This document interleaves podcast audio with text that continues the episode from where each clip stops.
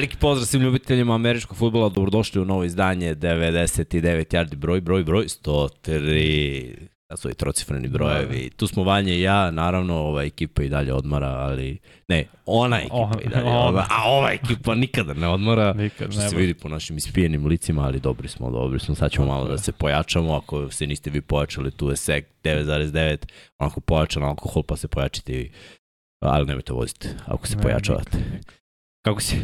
Ajde, baš se radovalo. Svašta se izdešavalo. Baš juče pričamo o Šone i ja, ovaj trade deadline je bio onako malo uzbudljiviji. Kao trade, trade, pa da, da, pa dobro, mislim, znaš šta, sve više kupe stvari NFL od NBA, mm -hmm. prvo krenuli s ugovorima, evo sada malo i sa tim tradeovima.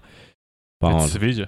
Šta, trade deadline? Da. Meni lično da, ali znaš, i druge ekipe su se počele, to mi se ne sviđa, ali ne, pričat ćemo samo svačemu. Sad pokret. Mislim šta ta pompa i, da, da, da. i sve što idu s to, pa znaš kako, dobro je, zato što mnoge ekipe koje shvate na pola sezone, ok, možda imamo šansu, mogu da se pojačaju, je sad naravno pitanje je da li se pojačavaš samo do kraja ove sezone ili nadalje i to su već pitanja malo za GM, ali kad smo videli u posljednjih par godina kako oni tumbaju taj cap koji imaju, u stvari sve možeš da iskombinuješ ako želiš, to, to je neki moj subjektivni osjećaj. Znači, ako želiš da taj igrač ostane tu, naći ćeš Imaš 10 ugovora, prebaciš u bonuse i imaš kintu u principu.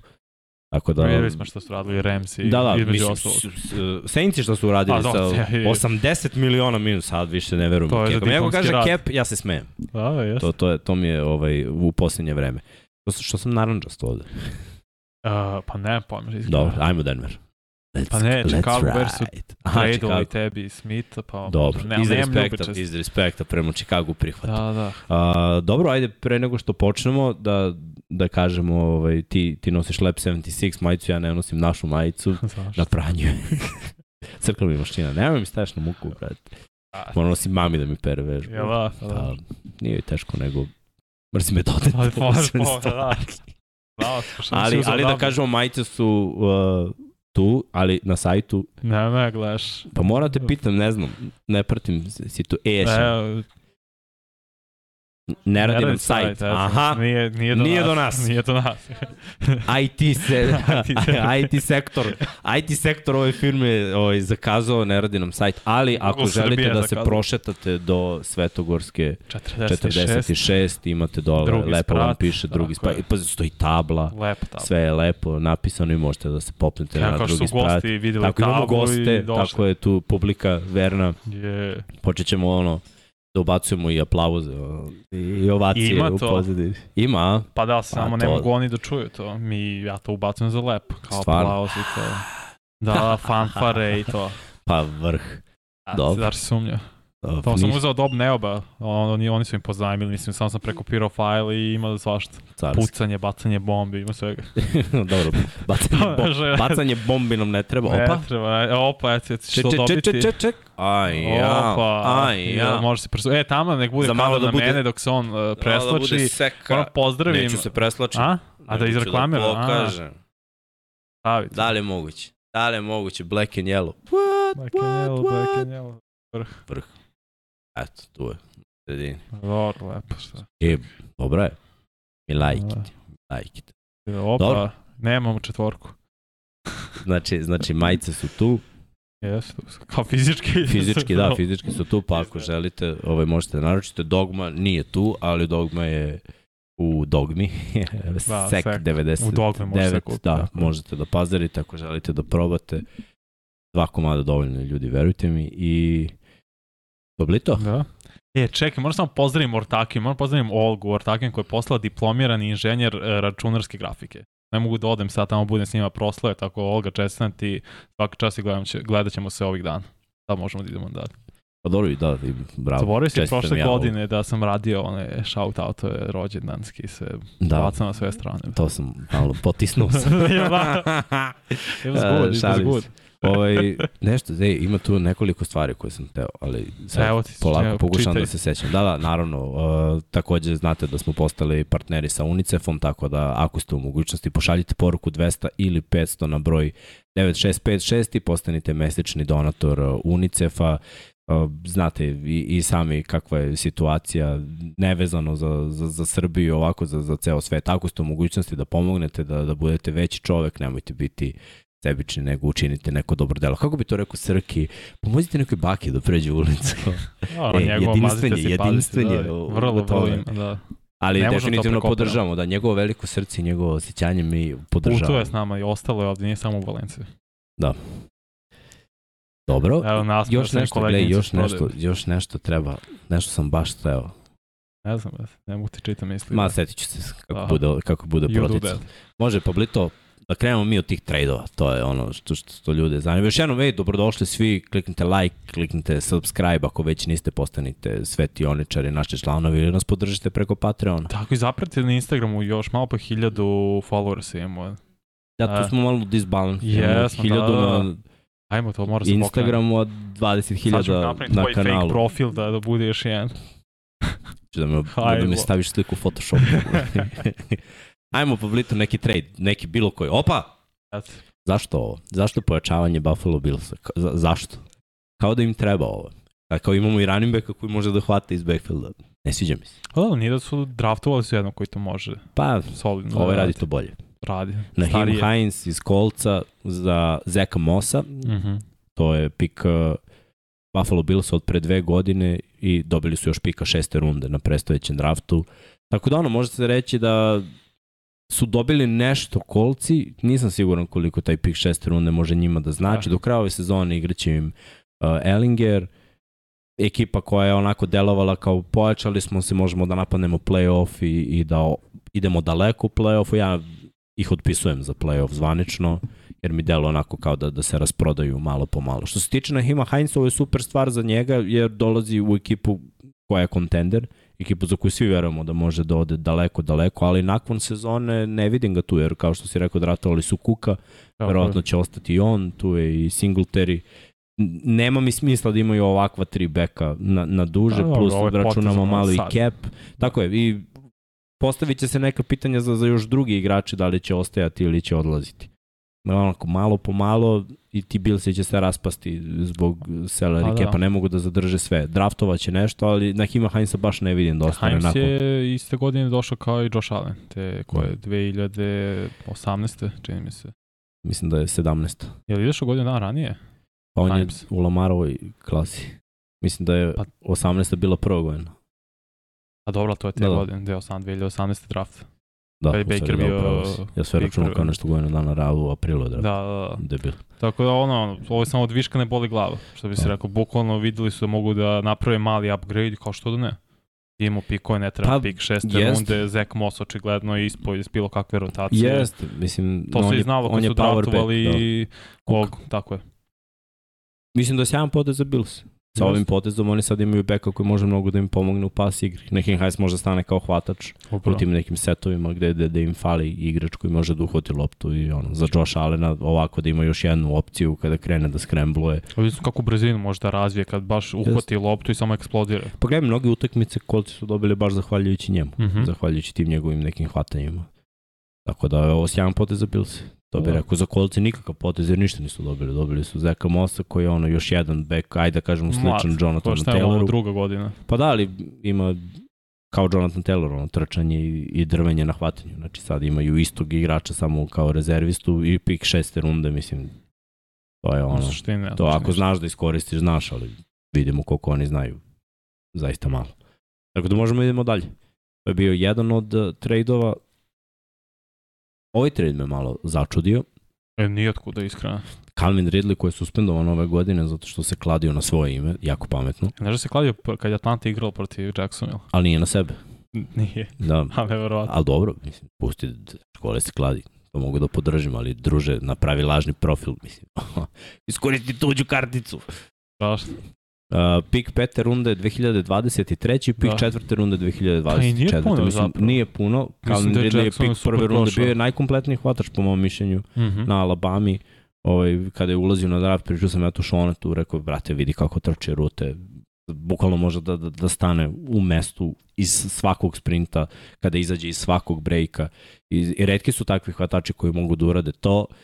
Uh, kada je Julio bio povređen, on je iskočio kao prva opcija za Atlantu i mislim da i tekako može da pomogne, jer ako bi ostao i hvatački korpus sa Kirkom u slotu, sa Marvinom Johnson kao vertikalnom opcijom, broj 2 i dovesti Calvina Ridleya koji eventualno može bude z, z receiver da bude outside s druge strane Etijena staviš u backfield, razviješ malo taj tendove, ofanzivna linija da se pojača, taj napad Jacksonville može da bude jako dobar. Trenutno je sve to onako niti toplo, niti hladno. Da, pogotovo u crvenoj zoni gde Trevor Lawrence ima najgori QBR. Mislim da će dosta znači i sledeće da. godine oh. Calvin Ridley. Da on, lakše on malo te situacije. mnogo forsira, po mom mišljenju. Igra, igra kao uh, malo bolji Carson Wentz. Raspoloženi Carson Wentz, to je meni mm -hmm. za sada Trevor da Lawrence. da previše... To sam i očekio, to sam i očekio, ali...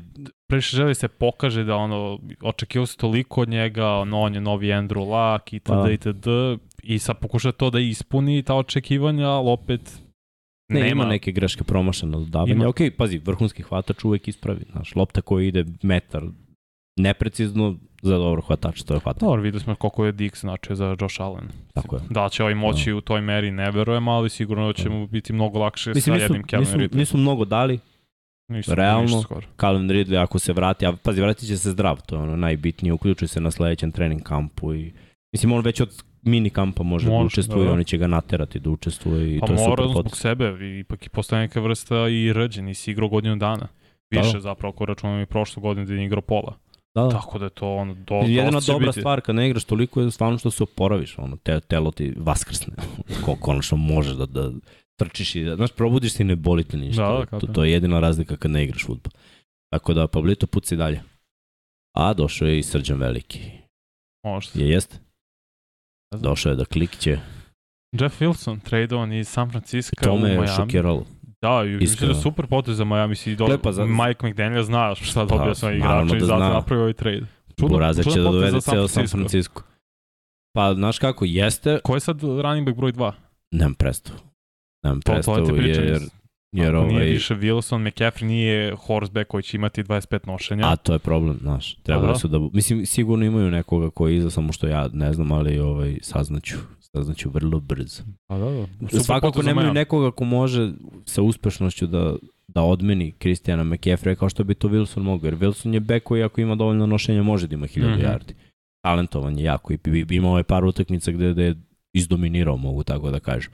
Za Miami problemi s povredama u backfieldu i onda reši dovođenjem još jednog beka. Ako ga ne stave u veliki broj snapova, u dobre situacije, mislim ovo je malo traćenje, ali ono pik peter, onda nije, nije ništa strašno. Mislim da, da su 49 više izgubili ovde, yes, zato što su baš pa izgubili zato što ne dubinu. znam ko je, ta, e, upravo no. Da. ne znam ko je sad running back broj 2. Videli smo što je radio McCaffrey prethodno kolo i pa, pričat ćemo. Pa, da, jeste, ali, ali, sad svi očekuju... Pazi, pa prvo kolo realno. nisam očekivao, jer da, da. nije realno. Drugo kolo sam očekivao mnogo više, da on nam je dao prvi put ono, od Ladenja na Tomlinsona, jedan da, all-round meč. Da. To je ono, pričat ćemo o tome. Ali nemati dubinu iza njega, to je onako malo pucanju nogu. Videli smo ono, u NFC-u par ekipa igra ozbiljno, ove druge ekipe su polovično je, mada 49ers i rešavaju diviziju, to im je trenutno prednost. A da, da, sad moraju se mola da McAfee ostane zdrav, to je to. I ti povučeš neke poteze, ali ne računaš tu ono, nepredvidivo. Nepredvidiva je zdravlje igrača. A McAfee tim... je dosta pro, po, pa, gledaj, i da nije, da. čak i da nije nikad niko bio povređen, to je nepredvidiva. Ne možeš ti da kažeš, neće se povrediti, mislim, kontakt sport je. Dovoljno ti padne neko slučajno na nogu, znaš, ono, najgluplja stvar. Dešava se. Tako da ono, 49ers Nadam se da nam se neće ovo o glavu. Idemo dalje. Ajmo. Bradley Chubb, bilo je priča da, da na početku godine još, mm. pa je mm. bilo priča ako izgube utakmicu u Londonu, ali na kraju Precijam jedan dobar igrač, jedan. jedan dobar igrač ništa ne pravi razliku za Denver kao što vidimo, jer fale, fali ofanzivna linija. To, to je prvo što im fali. Running back broj 1 povredio se. Pa, ajde Williams. kažemo, vratit će se Javonte Williams sledeće godine, pa, pošto ove godine. pikove imaju sledeće godine, ali moraju da popune. Ove godine su iskočili neki drugi igrači, mm -hmm. koji Browning je iskidu dve utakmice kao rašar. I onda, ok, Bradley Chubb ima možda zamenljiv, da kažemo tako, ove godine niko ne očekuje ništa od Denvera, a sledeće godine – ako uzmu ovog pika prve runda koju su dobili 2023. To je pik 49ersa. Tako, koji će biti visok. Nema veze. U 20. Ej, prva runda je prva runda. Uvijek, gledaj, prvih šesta rašara možeš da iskopaš Moš, dobrih u, u svakoj prvoj rundi. Plus, San Francisco zna da radi sa defanzivnom linijom. Tako, uh, da. Denver zna isto da radi sa, sa defanzivnom linijom. Ima ekipa koja jednostavno su fabrika proizvodnje edge rushera. Znaš, ne, najbolje Josh da može da ode u neke ekipe, da ode u Baltimore, on neće biti dobar Rašer, jer oni ne znaju da, da, da proizvedu. Da ode u Pittsburgh, bit će dobar defanzivni linijaš. Da, da ode u Denver, bit će dobar defanzivni igrač. Da god da staviš, ja nikad nisam vidio da neko izabran u, od strane Broncosa u posljednjih 10 godina i da nije bio solidan defanzivni igrač, ako je izabran u, u prvoj rundi. Mm -hmm ali kad biraju napad, tu failuju. Dobro, Bradley Chubb je ove godine igrao baš dobro, ima pet i po sekova, je... sa povređenom defanzivnom linijom, nije bila stalno kompletna. Nije, ali pazi. I zaslužio ovo produženje ugovor, što je dobio odmah od, od Miami na 5 Jeste. godina, 119 miliona. Miami ide all in, Miami baš Sada puca. all in, da. da. Gle, Ingram je doveden da bude godinu dana, ja mislim, ono, mhm. odradi mm -hmm. posao sada žele da odu daleko u play-offu, mislim, ja to poštujem. Ofanzivno im sve funkcioniš, pa falio im je bek, tako je. doveli su beka. A videli su šta funkcioniše, da u defensivnoj liniji imaš rotacije konstantno. Pa da. Da budu svi malte ne da. sveži no. i samo se dopunjavaju tu. Najveći problem za Miami su povrede u sekundariju, ali okej, okay, to da, će se igrači će se vratiti. Da, Jones još nije igrao. A, od kad je imao ono... Xavier Howard i kad igra, igra pola. A, fali se. Pola gasa. I zato su, mislim, da su zato odlučili da sve idu na defensivnu liniju, da izvrše što veći pritisak pa, da. na protivničku ofenzivnu liniju quarterbacka, da ovaj nema toliko vremena da eksploatiše taj sekundar. Možemo još jedno da vidimo sliku, dobili su još nešto. Da, Chase Edmunds je isto otišao da. u Denver, pik prve Dobro, runde i Edmunds, pik četvrte 2024. Edmunds je onako da kažemo taj skill back koji može da trči, jako dobro hvata iz backfielda, pa eto čisto malo olakšica za Rasela mm-hmm. ili kogod igra kvotrbe kako se Russell povredi. Pik četvrte runde takođe igrač od kog može nešto da se napravi. Mislim, kopali su ovaj, i pre Broncos i igrače u kasnim rundama, tako da me ne bi čudilo ni sad. Ovo je vrhunski potez. Mislim, dobiješ tri igrača za jednog koji je vrhunski, trebati loš ti je tim, znači trebati više igrača. Pik četvrte runde može da bude solidan ofanzivni linijaš, na primjer, mm -hmm. koji bi kako pomogao ove godine i mi je oskrnavljena ofanzivna linija i, i vidi se, mislim, yes. da igraju loše. Svi, mislim, da pohvalim Miami što su sve dobili zapravo za trade trade Lenca. Ovo i dalje pik od trade što je bio sa San Franciskom. I Hill, i sad Bradley Chubb, isto to je ozbiljna stvar koju je Miami učinio. I on, svaka čast za GM Miami. Da, pa dobro, tako si dolin. Da, da. Pablito pucaj. O, da. Zašto zoveš Pablito? Mislim, nije... A Pablita, da ja iz nečemu. Da Svaki put sam čuo da svak moment se rekao Pablita Klembac, nije čovjek tu. Mira. Omreo. Pa da. Da, jest. Dobro, o, sad ću da vičem režija. Chase. Chase. režija, produkcija. Seci. Chase Claypool za pika druge runde za Chicago. Ja mislim da je super stvar za Chicago. Pa gledaj. Ne može da napraviš hvatača, je traduju za jedno koji od pa nekog nije da pravi. ne možeš da napraviš hvatača, ali mislim slabije ti ide. I da kažemo da ono što fali Chicago jeste onako krupni hvatač za te lopte koji nisu baš najprecizniji. I to je zapravo Chase Claypool ako dobije ono pravu šansu. Pittsburgh nije baš imao, na šta, Ben je bunario. Često. Ovi novi quarterbackovi Pittsburgha, ni Pickett, ni Trubiski, niko ne bunari.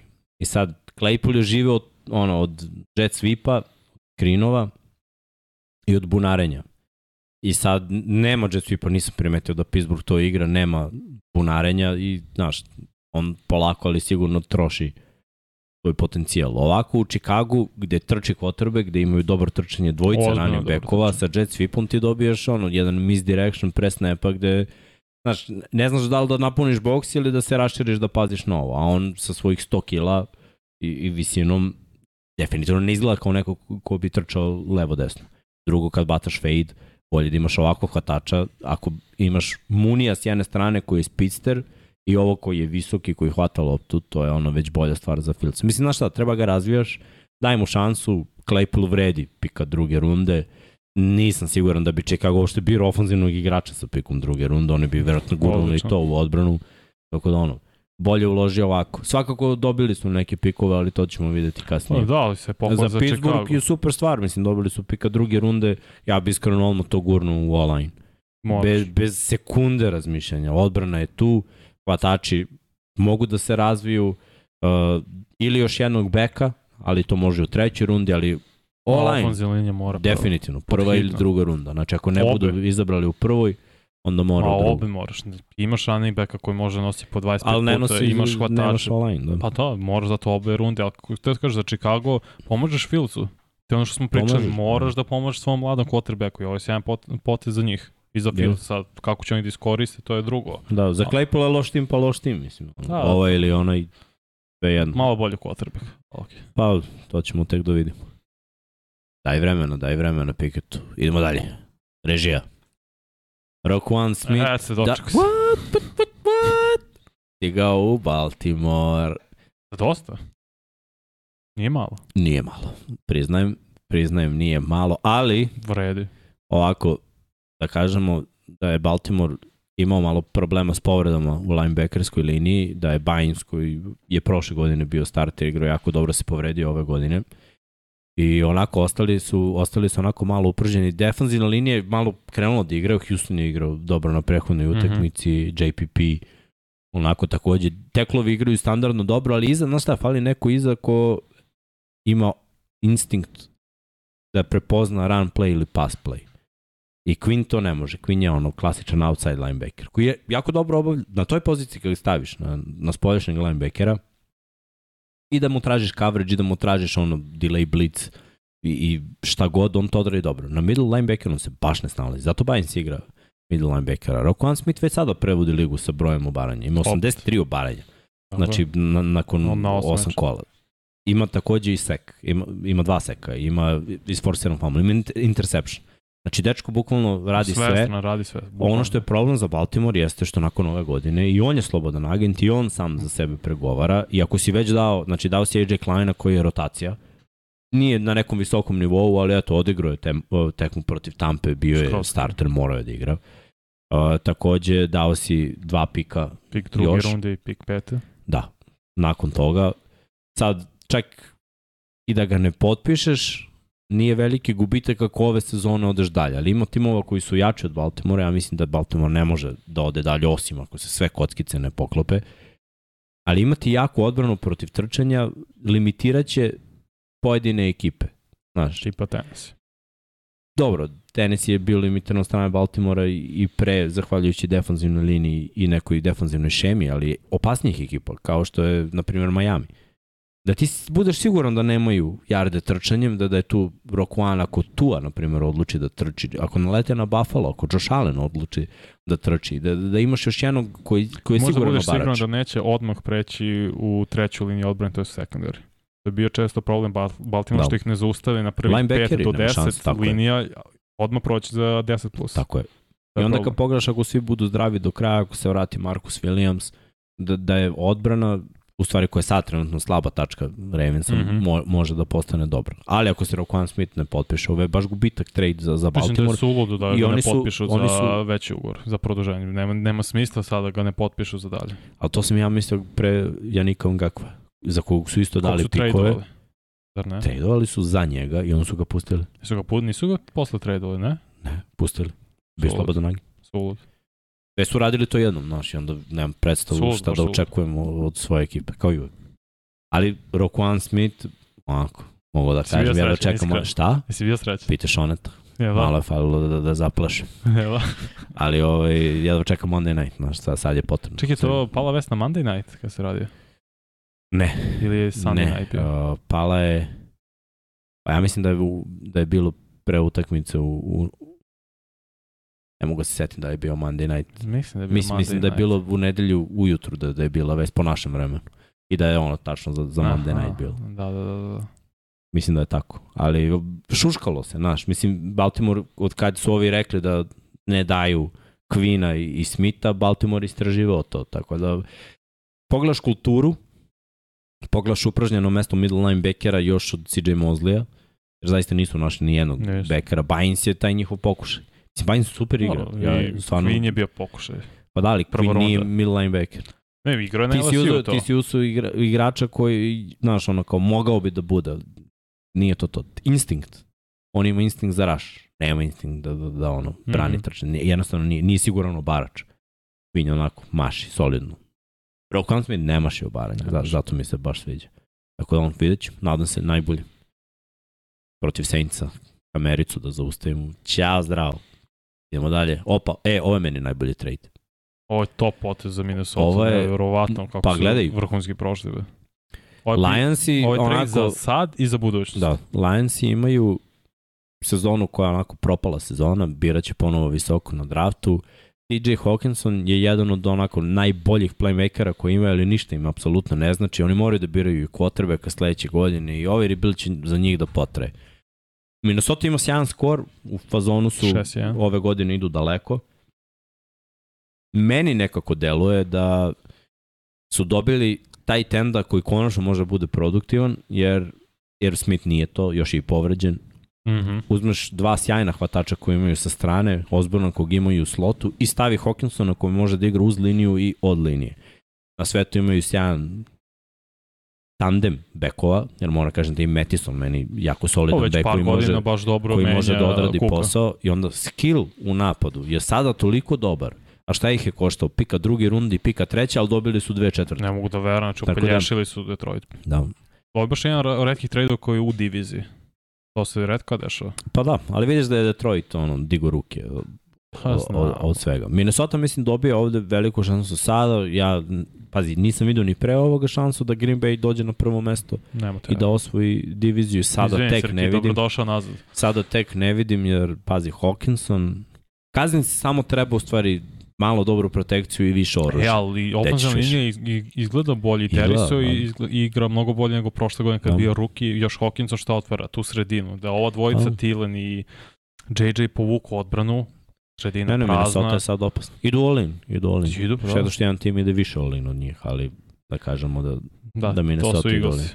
Eaglesi su uzeli Roberta Quina, smo stavili. Jeste, pa ne, to smo prošle nedelje odradili.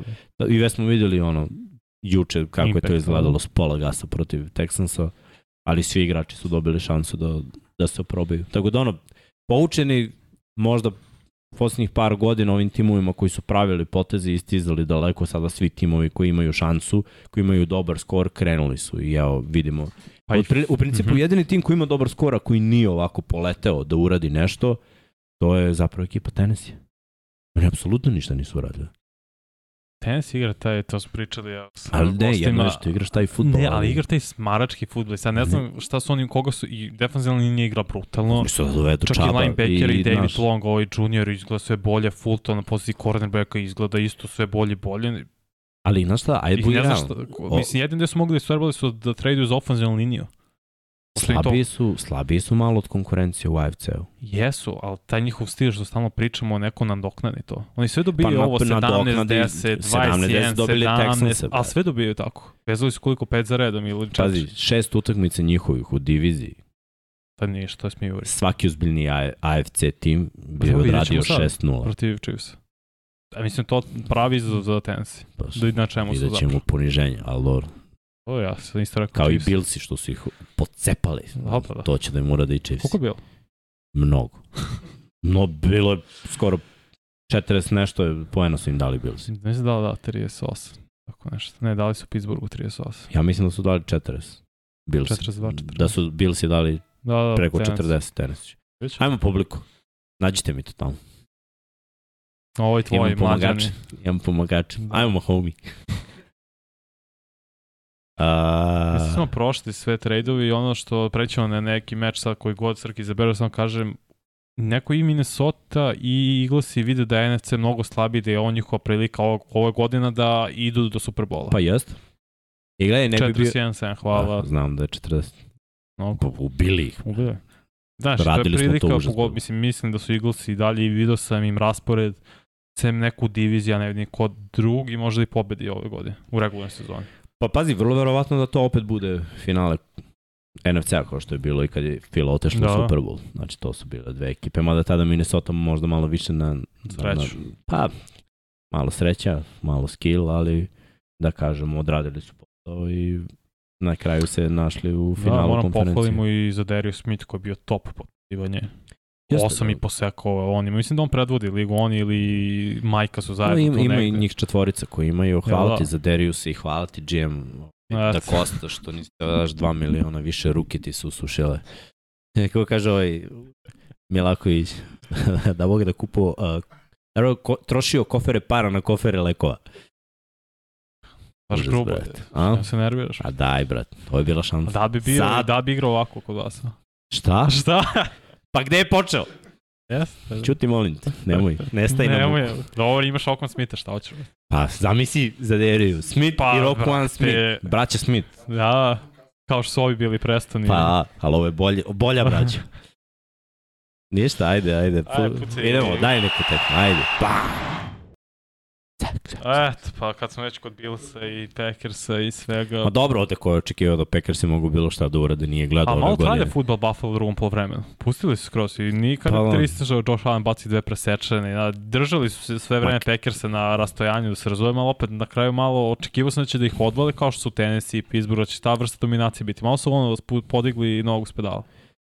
Malo, malo više. Pa, malo, malo više. je krenulo trening, trening futbol da. je krenuo. Ali znaš opet je Allen trčao, opet je, opet je trčanje bilo okej, okay, e, S druge strane, za, za, za Packers, ne, ne, bilo, tu, bilo je vrhunsko i, i možeš da trčiš protiv Buffalo u to principu je, ako želiš. Mana, da.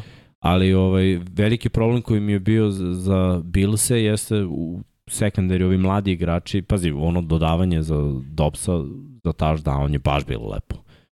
Dakle, da ono, ono što sam ti pričao, krenut će oni da kompletiraju neka dodavanja, samo nažalost za to ti treba 10-11 nedelja i sa ovim skorom koji imaju trenutno to može da bude kasno i su više kasno. Pa i sa NFC koji odjednom NFC istok 6-2, da. 6-2 i to, to. čak i komandersi koji su ih dobili da, da imaju 4-4. Cela pozitivna divizija. Uh, jako, je, jako je teško očekivati od Packersa bilo šta da naprave sada neki bolestan niz jer ih čekaju ono malo jače utakmice. Su godinama bili 13 pobeda, već 3 godine unazad, mm -hmm. imaju jak raspored. I ono, ne ide im na ruku. Mislim, Bilsi nije prva utakmica da oni igraju ovako. Ovo je još i ubedljiv poraz. Ja opet kažem, oni su izgubili od Majamija. S Baltimoreom su igrali ono, jel golu u posljednjoj sekundi. Mislim, odluka Harboa da ide na touchdown umesto da šutne da povede pa da stavi no, da, pritisak, on je išao na touchdown kao, e, razumeš? Nije presečan. I, da. on, I onda jedan field goal je bio dovoljan, ali ovako ja mislim da bi bio produžetak. To je pohvala za Buffalo, to je ono što smo pričali, pohvala za Buffalo jer su napredovali tom aspektu. Oni su išli u Kansas City dobili, išli su u da. Baltimore i dobili. To je mnogo, Imali to mnogo da, znači. To su dve utakmice koje ja više verujem da, mislim, jesu oni dobili, ali su i Ravensi izgubili i Chiefsi su izgubili greškama Mahomesa. Uh, i opet je Lamar imao takođe, i, tako je, isto iznuđenu grešku i opet ideš na četvrti. Meni je to izgubljena lopta, znaš, kod turnover on downs i nigde to nema u statistici, mm -hmm. ali tehnički ti si izgubio loptu, bio si crveni zoni, nisi postigao poene, mislim, šta se desilo? To je izgubljena lopta, da. mislim, izgubljen post, protraćio si sve to vreme ni za što.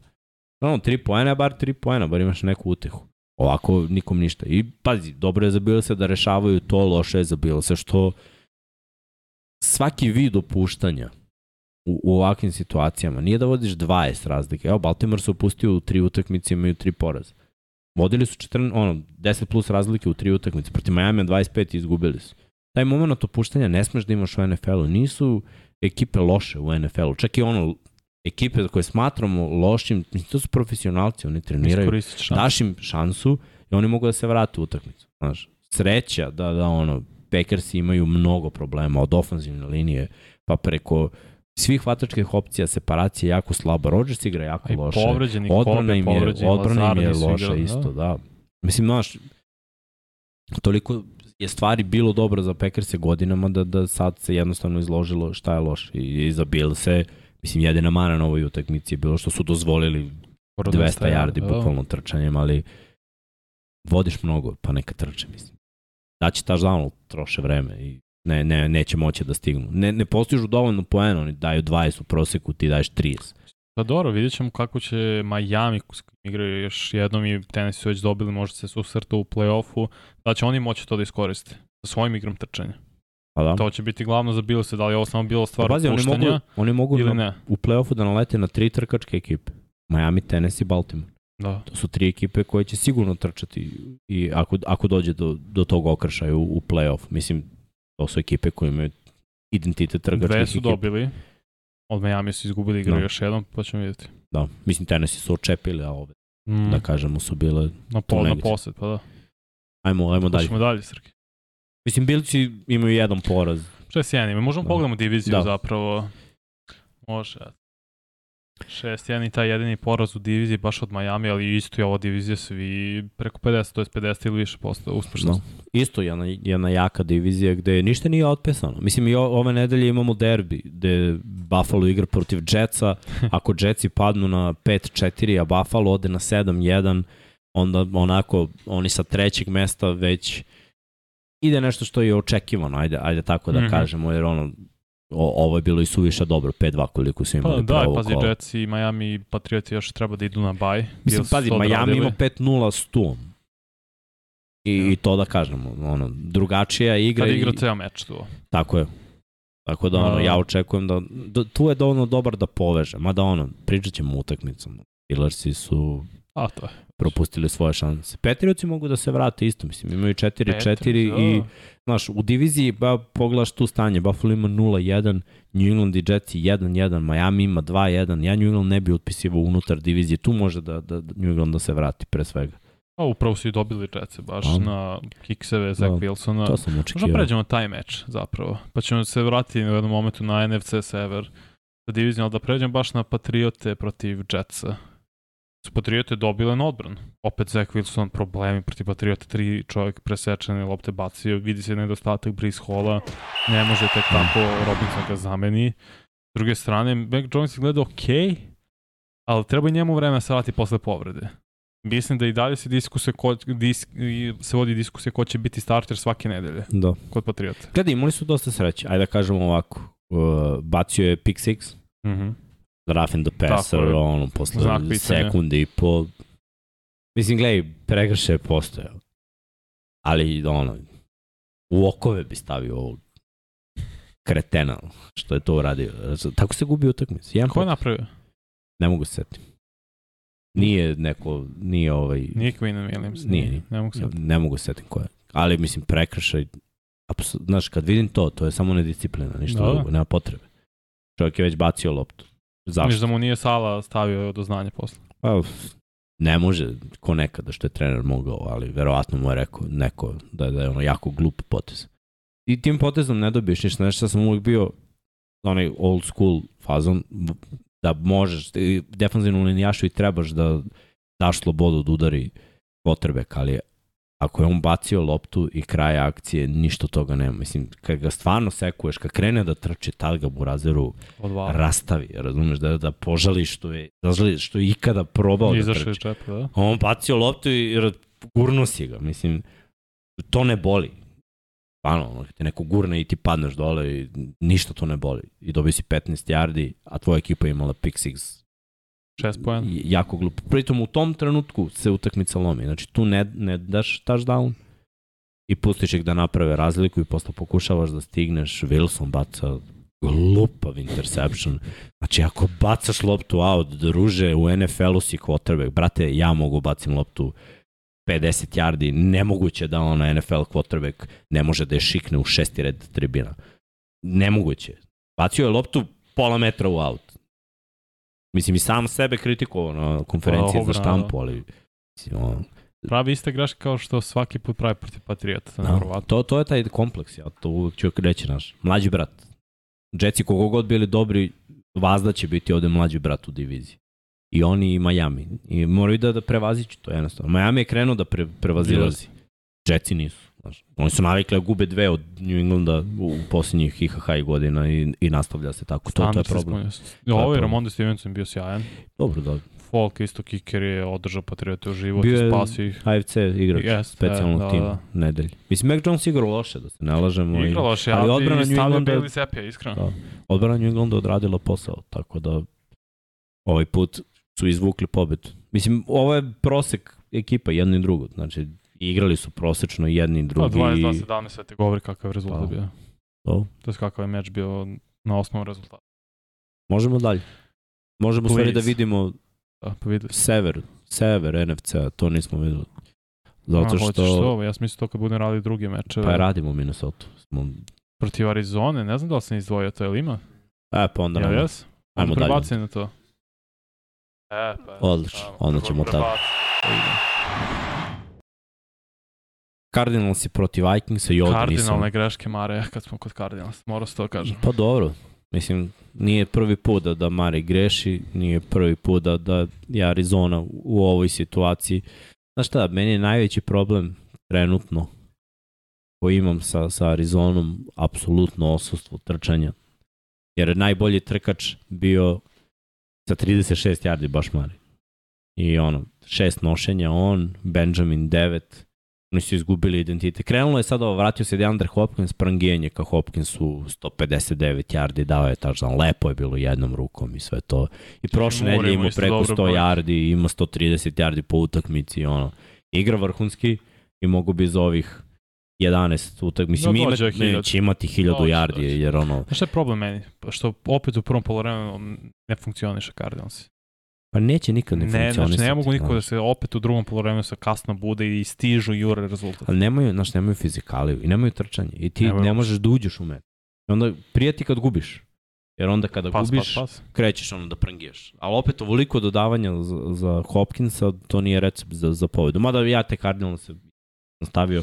Nisam očekivao ni ovoliko pobjeda, iskreno, koliko imaju. Znači, mislim da, da su ukrali nekoliko pobjeda. ukrali su Raidersima to, ono, To je, to je baš krađa, ali imali su još, tako da ono. A Minnesota nastavlja, evo oni koriste trčanje, opet Delen da. Cook 20 nošenja imao 111 yardi, lep balans da. na odbrani napad, to je pardon, napad e, trčanje i napad pasu.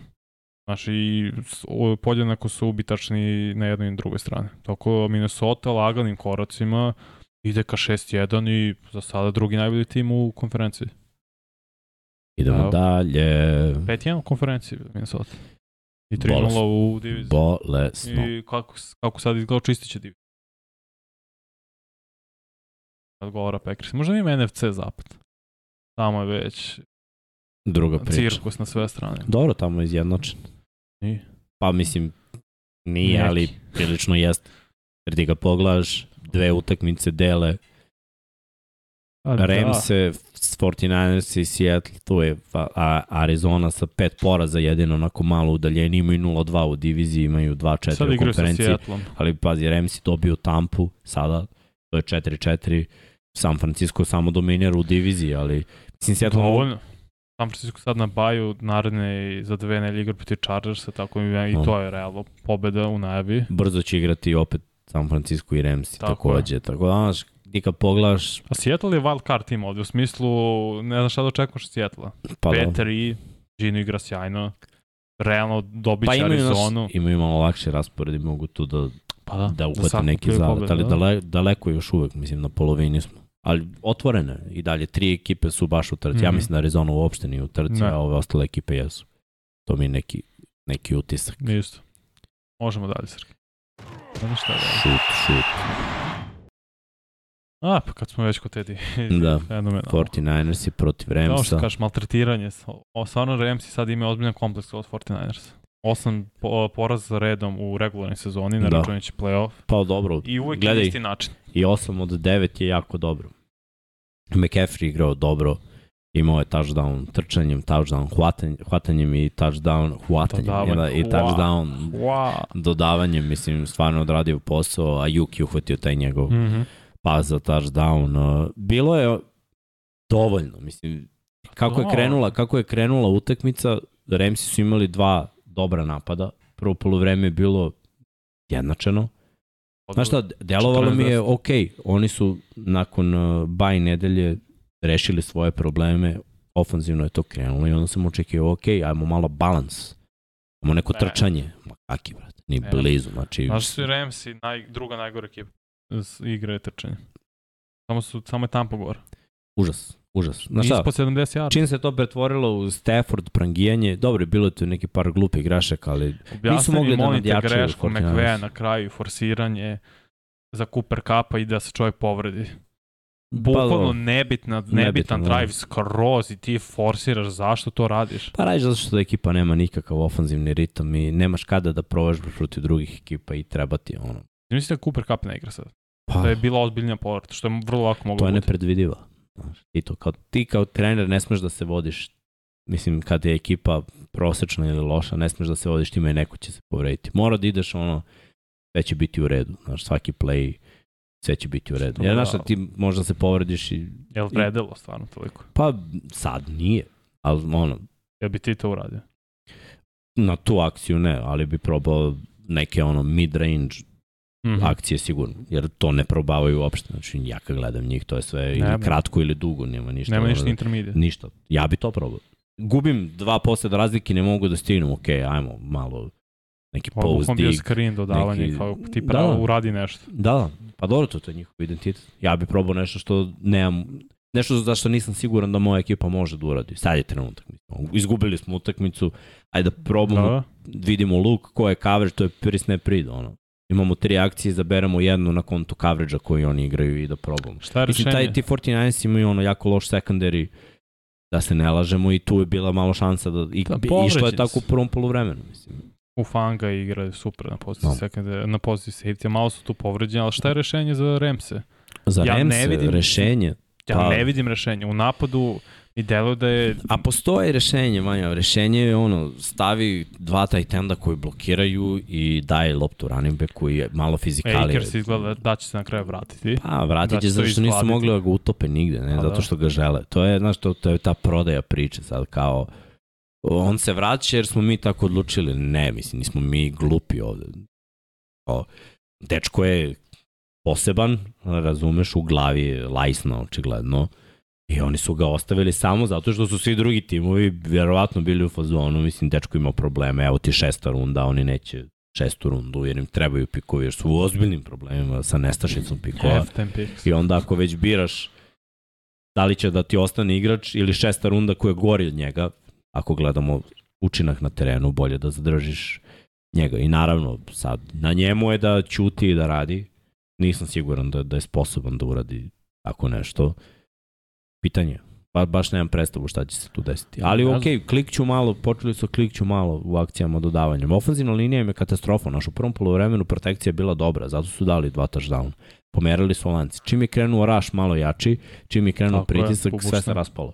A trčanja puta... nema i onda naš, oni nemaju uopšte ni potrebu da, da ostanu na liniji skrimidža, jer ono, znaju da, da neće trčati. Da. I ono što trče je do linije skrimidža ili za dva jarda.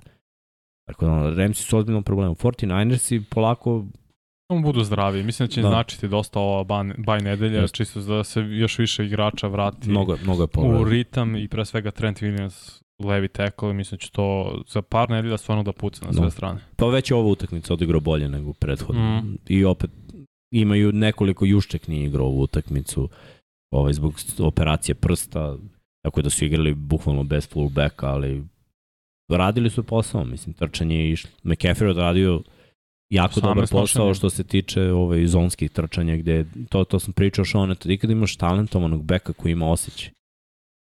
E, Zonska šema trčanja je idealna za beka koji ima viziju, znaš, jer ti mora da vidiš rupu koja ne postoji u principu, mora da je vidiš da će se otvori za sekund. Mm -hmm. Ti kreneš u pravcu svoje ofenzivne linije, imaš slobodu da kad bekuješ na 3-4 rupe i ti odlučuješ koja je. Samo mora da vidiš gde je flow odbrane i gde, gde se stvara prostor za tebe. McCaffrey ima taj talent to šesto čulo, znaš, i tačno se videlo kada je prolazio, gde je prolazio, kako je treba. Biće tu još dizajna, znaš, oni tek treba da, da instaliraju druge akcije, jer kad radiš zonu, jako dobro ide counter, uh, sa pulovima, oni imaju sjajne ofanzivne linijaše za tako nešto, imaju taj tendo, i, u ostalom i fullbacka, mogu da rade to iz pistola, iz easy formacije, imaju nekoliko različitih načina da, da zavaraju protivnika, da, da ne znaš šta zapravo oni rade trčanje. I to može da bude jako dobra stvar za McAfee koji uglavnom radi ono single back u, u Karolini. Za njega sad ovo igrarija, ovo je lepota, pa da. I prvi Blokeri kontakt, prvi strane. kontakt dočekaš posle linije, posle linije skrimidža. Ne moraš ništa da plešiš, ideš pravo linijski, biraš gap, ono, koji ti je otvoren i prvi kontakt je na 2-3 yarda. Imao je nekoliko trčanja od po 10. To je onako baš velika stvar za, za, za McAfrija. Otvaraće se i kao hvatač. Pa da, vidio se koliko je zapravo i olakšan u Garopu posao. Pa, vrlo sigurno gle, 21, Garoppolo ima najlakši posao, da se razumemo. Ima, ima jako talentovanog trenera ofanzivnog koordinatora, godinama trčanje funkcioniš, ofanzivna linija mu je dobra i njegovi hvatači godinama bolji, imaju bolji. najviše jak ja da yardi. Ja catch, tako je. Jardi nakon pada. On baci 2000 jarde i na kraju ima 3,5 svake godine.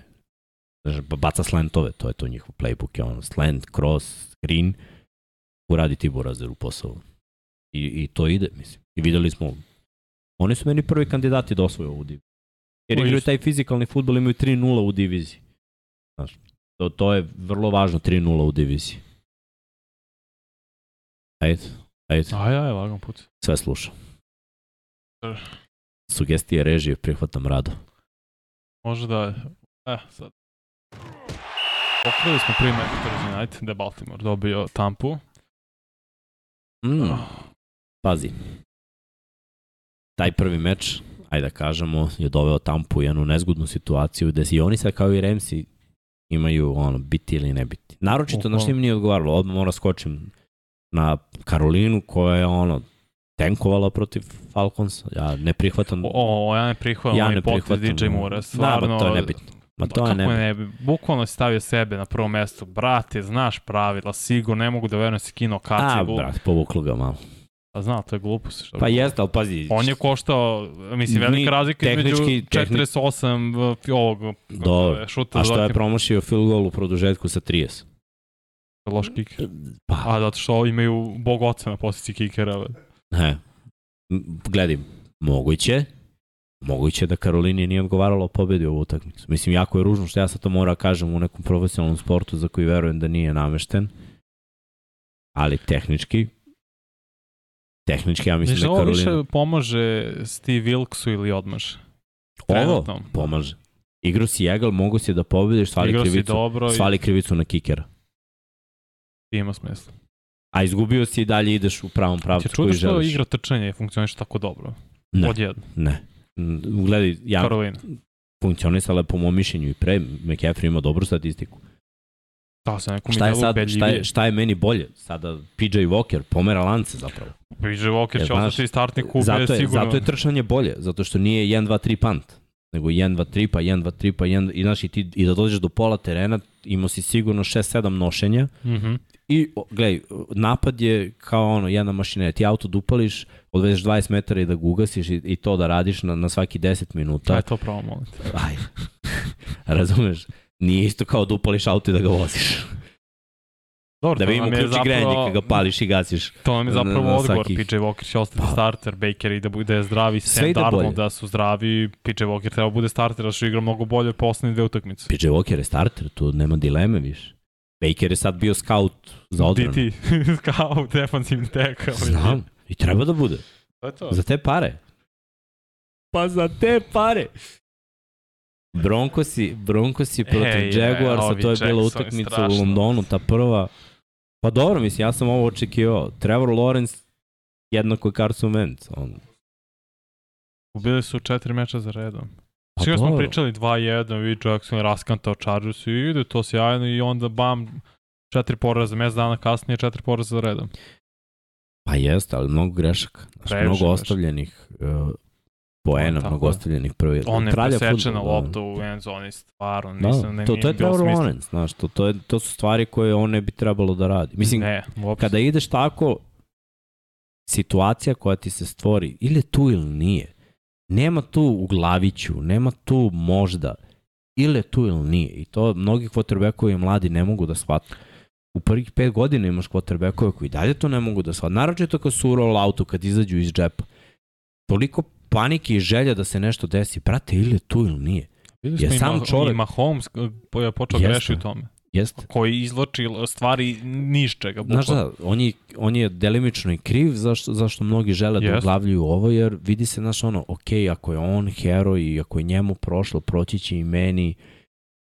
I opet na treningu, naš quarterback se ne dira i ti skrembluješ i onda imaš prilike. Sigurno na treningu kompletiraš takva neka dodavanja da, da veruješ u sebe, ali, znaš, igrač je ispred tebe, najbliže, po mom mišljenju, ako igraš defanzivni na prvom pilonu, da ti možeš da uglaviš loptu preko njega, je drugi pilon. To je, to je jedino što je sigurno. Znači, toliko da ga lobuješ, ali da lopta ima Aha, volumen da, da stigne. Okay, okay. Ako je drugi defanzivni igraš na, na drugom pilonu, a tvoj između njih, a ti se krećeš, to je stvarno jako teško. Znaš, to je stvarno jako teško da uglaviš. Pa, Da ili da bi to, se on gledaj, u, bu, bio ispred prvog ali igrači, i bukvalno mu oteo loptu iz ruke. bekovi ni, nisu idioti, znaš. I imaju bo, bolesne fizičke predispozicije. One su možda najveće atlete na terenu. Moraju da Imaju odraz, sve imaju više i više bolje ruke i ti to da kompletiraš. Pri linebackeri bre se mnogo bolje kreću sad. Tako da ono, takve odluke, ta dodavanja, kupuješ vreme, ideš unazad. Ti kad odeš, kad prođeš brojeve, kad si između brojeva i auta, Mm -hmm. I ako gađaš taj prostor, to, to je jako mali prostor. Ako imaš tri defanzivca, oni su sposobni da pokriju ceo taj prostor. A ti još bežiš, znači još više odlaziš ka autu. Ja, da. jako je teško da uglaviš. To, to su jako glupi potezi. I opet i, i Dagi P stavlja loptu previše u ruke mlavom kvotrbeku. Iskreno, da sam bio u onoj poziciji, četiri downa trčanje.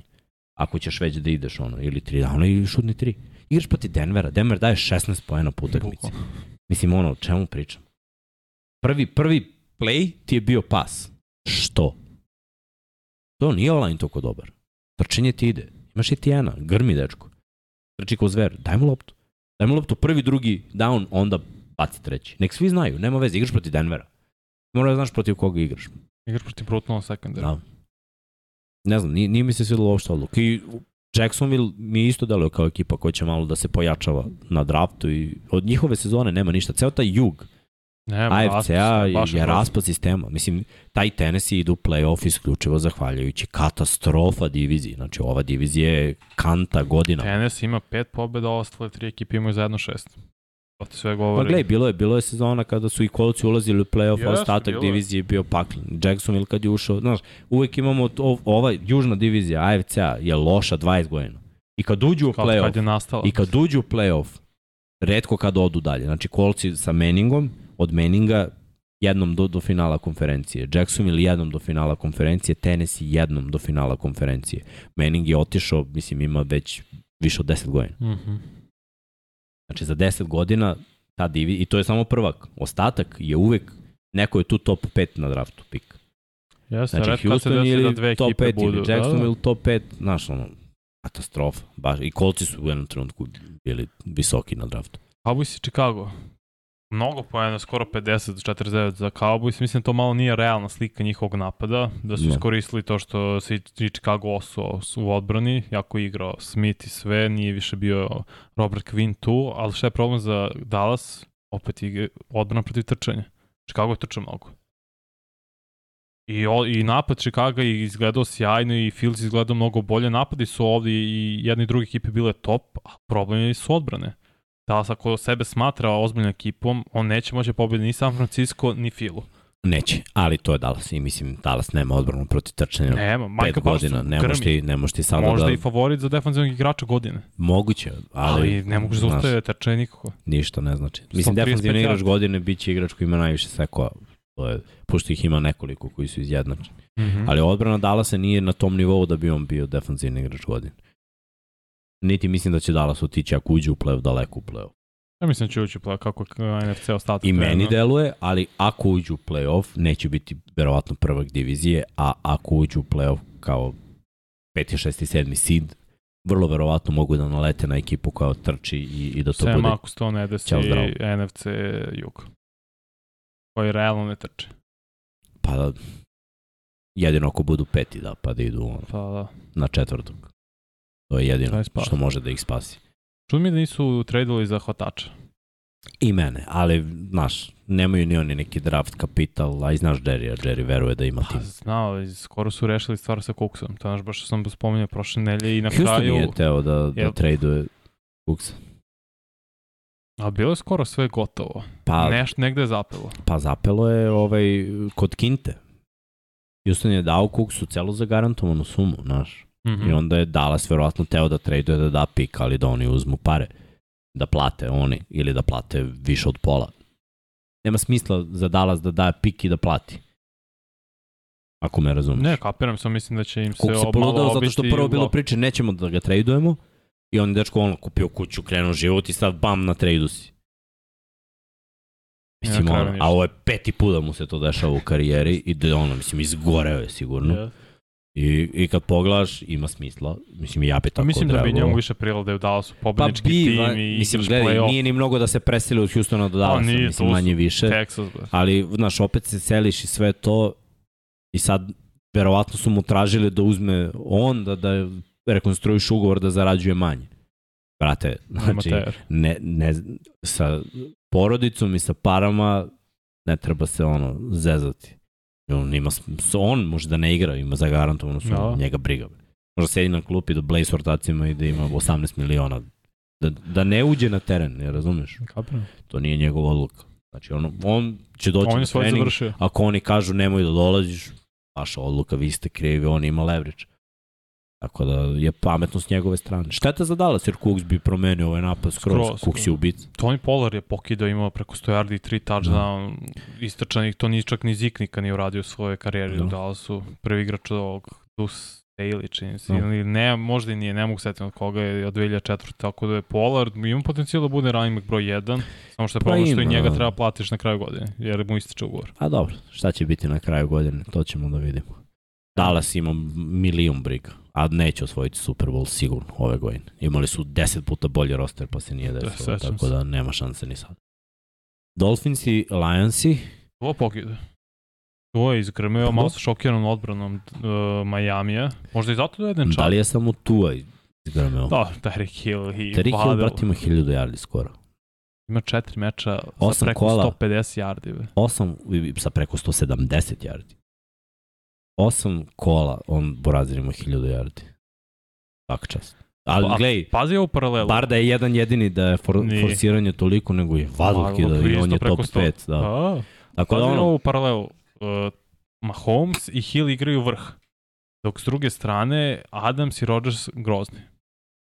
Bez jedan drugog. To je baš čudno. Nisam očekivao da će ovako biti raspoda. Prvo, sistem Dolphinsa, to je ono što sam vam rekao pre sezone kad sam ih ishajpovao. Mislim, dobro, skore ne govore toliko, ali ja mislim da tu oni igrao. Mislim, bili Ukrali bolji. su oni koju pobedu, ali su izgubili nešto što nije trebalo. Ali da kažemo, ovde 5-3 ili 6-2 je ovaj, bilo nešto što sam očekivao od Dolphinsa. Jer došao je trener koji ima sistem koji tera ljudi u boks. Ti kad staviš pet linijaša, kad staviš dva tight enda, running backa i eventualno full backa, imaš osam ljudi u boksu. Znači, koliko ljudi igraš outside? Trojicu. I imaš Terika Hila, koji zahteva double coverage, i kad izvučeš jednu vertikalu i rokneš jedan cross, taj cross je 1 na 1. Eventualno ima neku pomoć, ali ti imaš i taj tenda koji čipuje izlazi u release, mm -hmm. razumeš? Uvek imaš jednog igrača više. Zato što imaš 2, 4, 4-2 i 4-3 čoveka imaš, znači tu brzinu ne možeš da čuvaš. Ne možeš. Jednostavno ne postoji rešenje. Kad misliš da postoji rešenje, oni ti pokažu na delu da ta brzina, koliko, šta god da uradiš, postoji rupa negde u tvojoj odbrani koju ta brzina nadomesti. Quarterback samo mora da bude sposoban da da loptu na vreme, na pravo mesto, u rupi, u određenom coverage. Malo ispred njih da uhvate u punom sprintu tako je, i tako bam. je, i to je to. Ako igraju zonu, rupa. Negde. Samo baci na pamet u rupu, on će stići u tu rupu. Razumeš, jer je dovoljno brz i oni igraju tako. Zato je on uspešan. S druge strane, Raiders igraju drugi sistem i njima ni ne odgovara da Adams. Mislim, Adams igra do, efikasno, daje touchdownove. Njima ne odgovara da Adams ima mnogo yardi jer njima treba da trčanje bude dobro.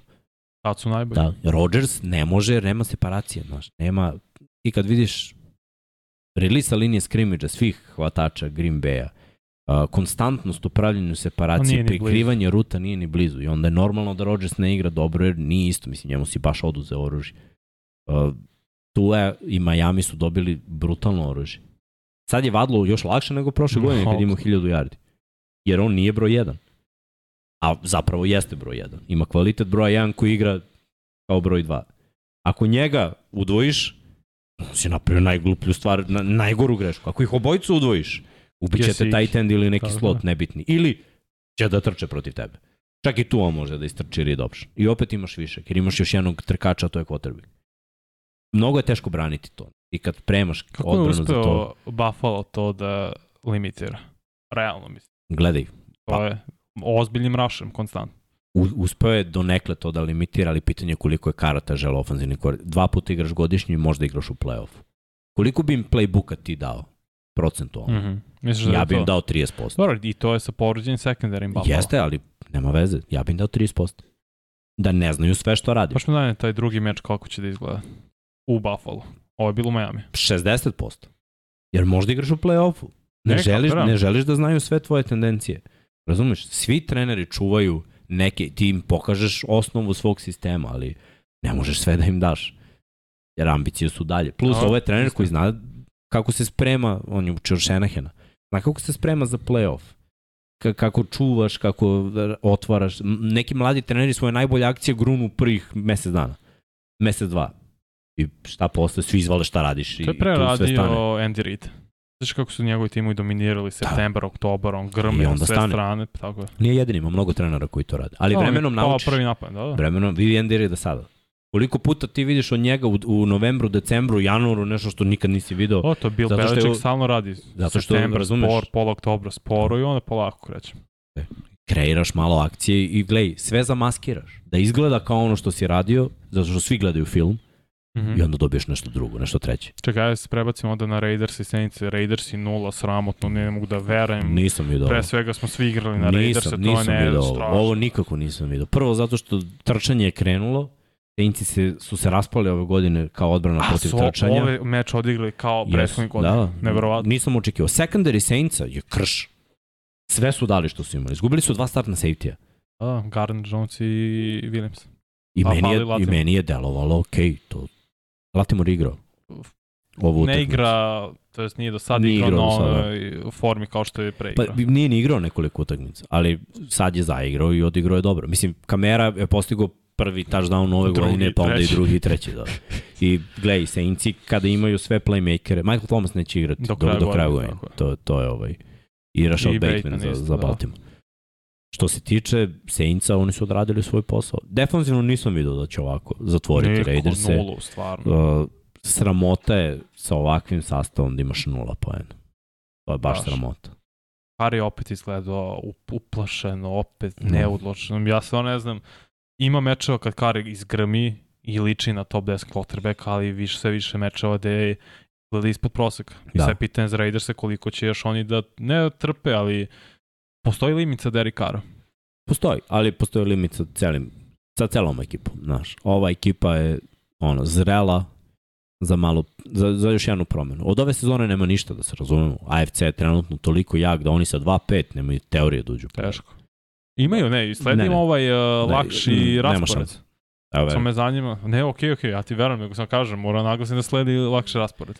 To si ti prvi naglasio prošle nedelje. Da, da, je, je, stoji, ovo je bilo po mom, to je bilo, po, po mom rezonu, lakši raspored je krenuo od, Jeste, protiv pa, da. Saintsa, razumiješ, i 0-24. Strašno.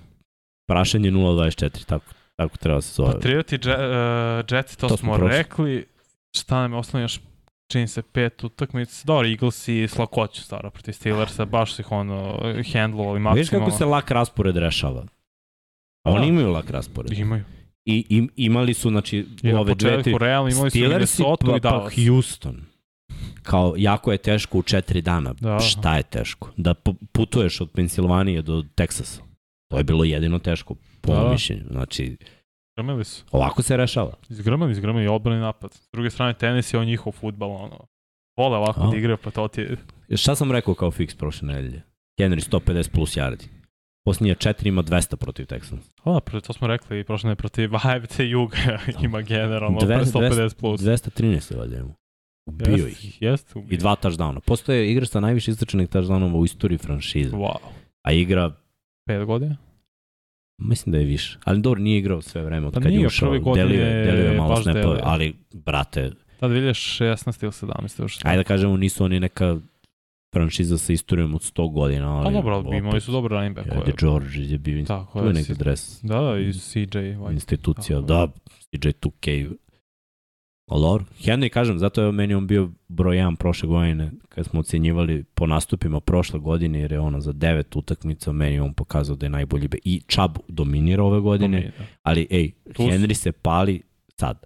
Znači, pazi, on je prošle godine krenuo jako, zamisli da, da se nije povredio. A imamo i 2000. Imamo bi 2500 jardi. I bio, bio bi najjača Znaš šta, sezona se vratio, ono, rekli su, ok, Tenehill nije to to. Tako je. Nije imao trčan. Mislim, za, jes, s kim sam pričao, Willis treba da igra? Ili je igrao sad, totalno sam ono, permutovao to. Je li igrao Malik Willis? Da. I igraće i ovaj nelj, to je sjajno. Pa nije sjajno, igra katastrofa. Ne, iskreno. pusti ga, i Tenehill ništa bolje da igra. Pa, malo bolje. Malo. Pa, bolje igra Pre bi dao ruke u šancu, znam šta je mogu s Tenehillom, sa ovim ne znam, pa je možda me iznenadi. Dobro. S druge strane, ovi kolci me iznenađuju na sve gore gore načine. Što? Pa, pa da znaš da što... da ne igra Metran, igra Ellinger. Pa dobro, mlada, mislim, mlada ekipa, je, ofenzivno. linije je krš, neverovatno kako se to raspulo pa, u roku od godinu skill? dana. Jel ne postoji? Svi su klinci, brate, svi su klinci. Jesu klinci, ali ne postoji skill. I Justin Jefferson je klinac.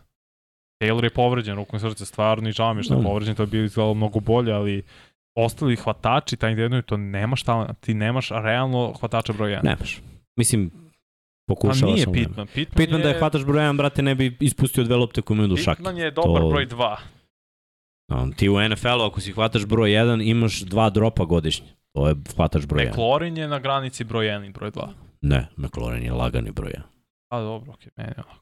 Zavisi. Svake godine 1000 yardi Okay. Glej, je rešio, je imao pas, ono je 50-50. E, Henry, Joto Heineke, on je drive na kraju, fenomen. Ja otao loptu Gilmoru, koji je bio, on, koji je vrhunski DB. All probio. Ja mu otao loptu. Yes. To je broj 1.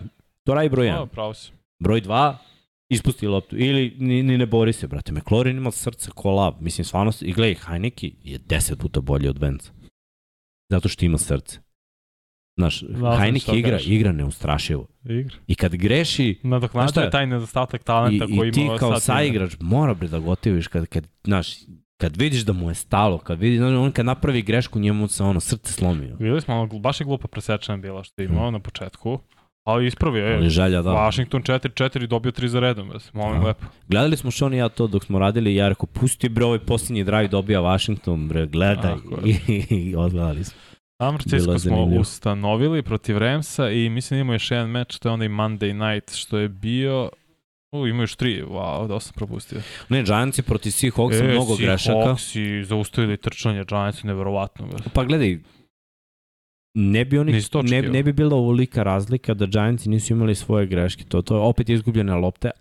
Znaš. Ja, a dobili su dosta mečeva na jedan posed pre i mislim moralo da se moralo vrati. Moralo da se desi, da. I opet imaju sjajan skor, i može da se nauči dosta iz ovoga. Mm I imali su ono, dva, tri, ono, znaš, upucaš se u, no, da, u drive ko, ko ide. S druge strane, svi Hawksi su imali i propuštene prilike. Mislim, znaš šta, ja Loketa nisam video da fade ispusti, da ga pogodi loptu u face mask. Do. Ti kad si pantry trener, razviješ jako dobru koordinaciju da, da. da skloniš face mask kad ti lopta upada u, u ruke. I ono, e, on je na koleđžu ispustio jednom za pobedu u end zone slant I sećam se, ovaj, gledao sam neki snimak gde je, da je on ono bio u depri, znaš koji, na, i na terenu, Day i na sideline-u. Ja, ja da? se, da? Glej, čim, se, čim je došao u NFL, on nije, znaš da nije ispustio pas u crvene zone, do tog. Kako je prošlo to? Znaš da ove godine, to mu je bilo jedino ispušteno da, dodavanje. Da. A u crvenoj zoni, mislim, on igra više od šest godina. Ovo je brut. A, dešava se. A opet, to Ali odmah sledeći, koštalo. sledeći pas je. bio fade za touchdown. Da, da, ispravio se odmah. Double move napravio, iz, izdominirao. Tako da ono, meni je bilo najveće oduševljenje ovde DK McCaff. Nema. Da. Igro je.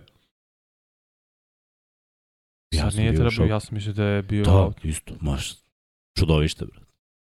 Ne znam šta je s čovjekom, brate. Laboratorij. Povredio se, operacija, ljudi pričaju kraj sezone Buraz je izašao igra tako. Wow. Čega si ti napravljen, brate? Ste vidio onaj intervju sa Garnetom, kom obja, objasnio šta jede u jednom da, da. danu, to ne, realno, da. to ne moguće da istinu. A, otko znam. Kako? A ne znam, vidiš da je dečko s druge planete. Prikriveni vam zemaljac.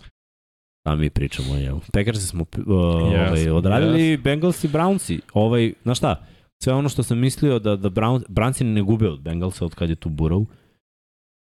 Imaju sve pobjede. Osam, imaju osam pobjede, poslednjih devet.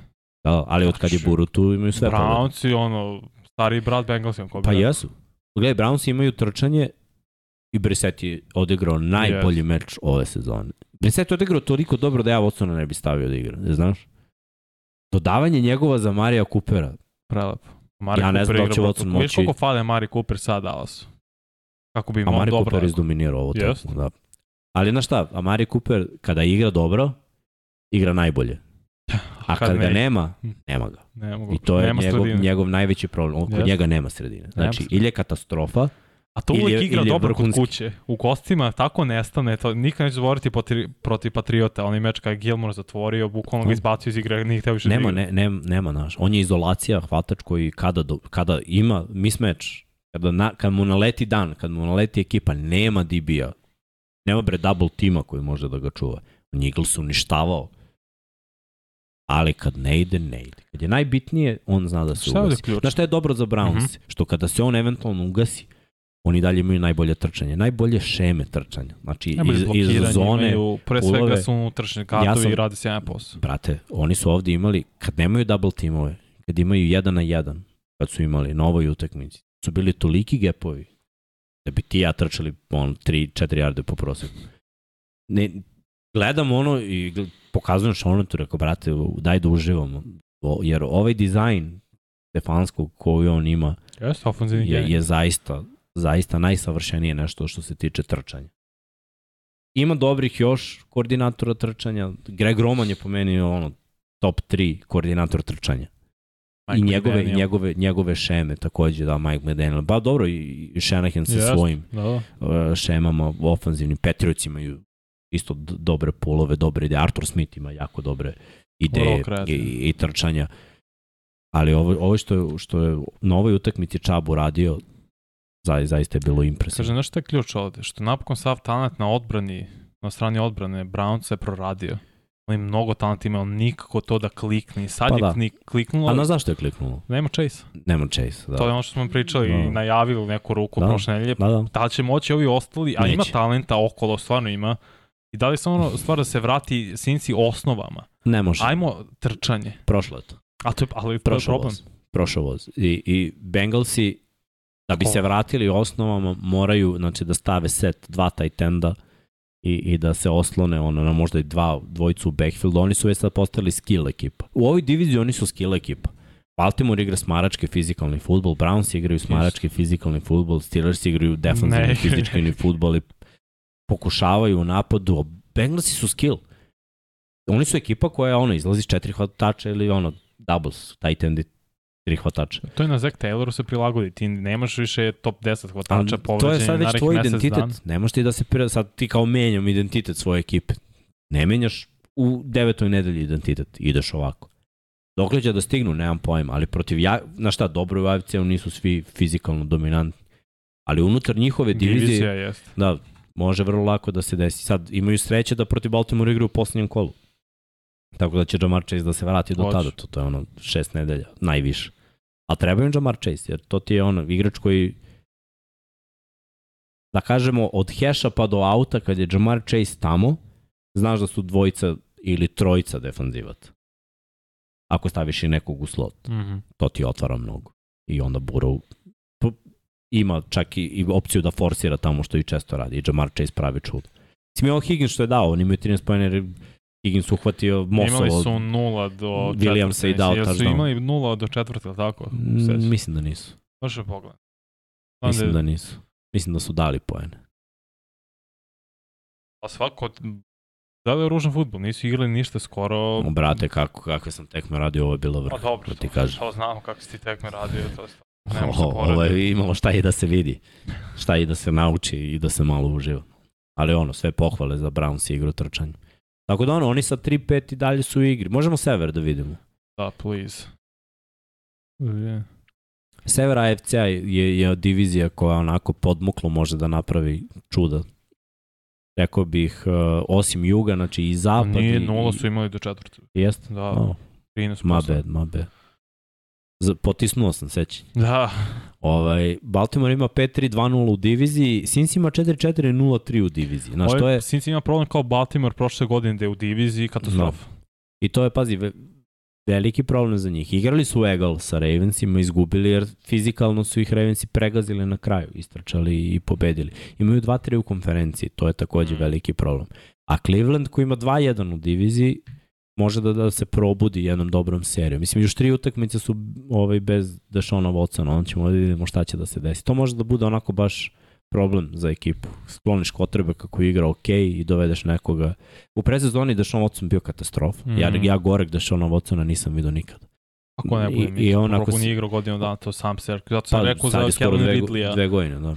Isto, ista stvar. Mislim da ako njega stave da igra, da će ispoštovati navijače, trade, GM-a, celu priču, ali da će se upucati. I zbog toga ne vidim Cleveland i Pittsburgh u play-offu. A Cincy ako žele da uđu u play-off ili da bude prvak divizije, mada Ravensi kao najgori tim prošle godine imaju najlakši raspored, Cincy ima malo teži raspored, i ovo 0-3 u diviziji. Pazi, ovo 0-3 u diviziji u najboljem slučaju može postane 3-3.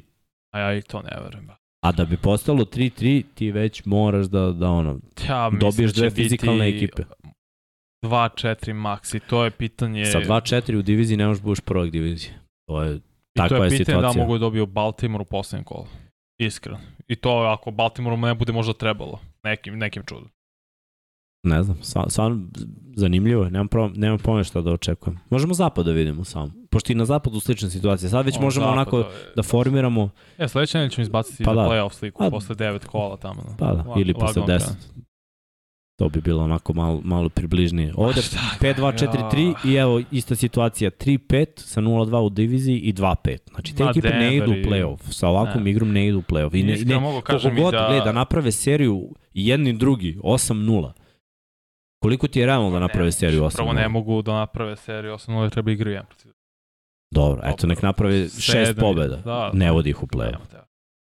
Šest pobjeda od posljednjih devet utakmica. Teško, Neći teška priča. Pre svega, mislim, lo, mogu i Chargers se iskreno da otpišem polako iz play-offa zbog povreda. Baš Brat, ne, svi imaju povrede. Ne igra ni Keenan Allen ovaj meč, već stiglo mi sad vest. Neće igrati ni Mike Williams.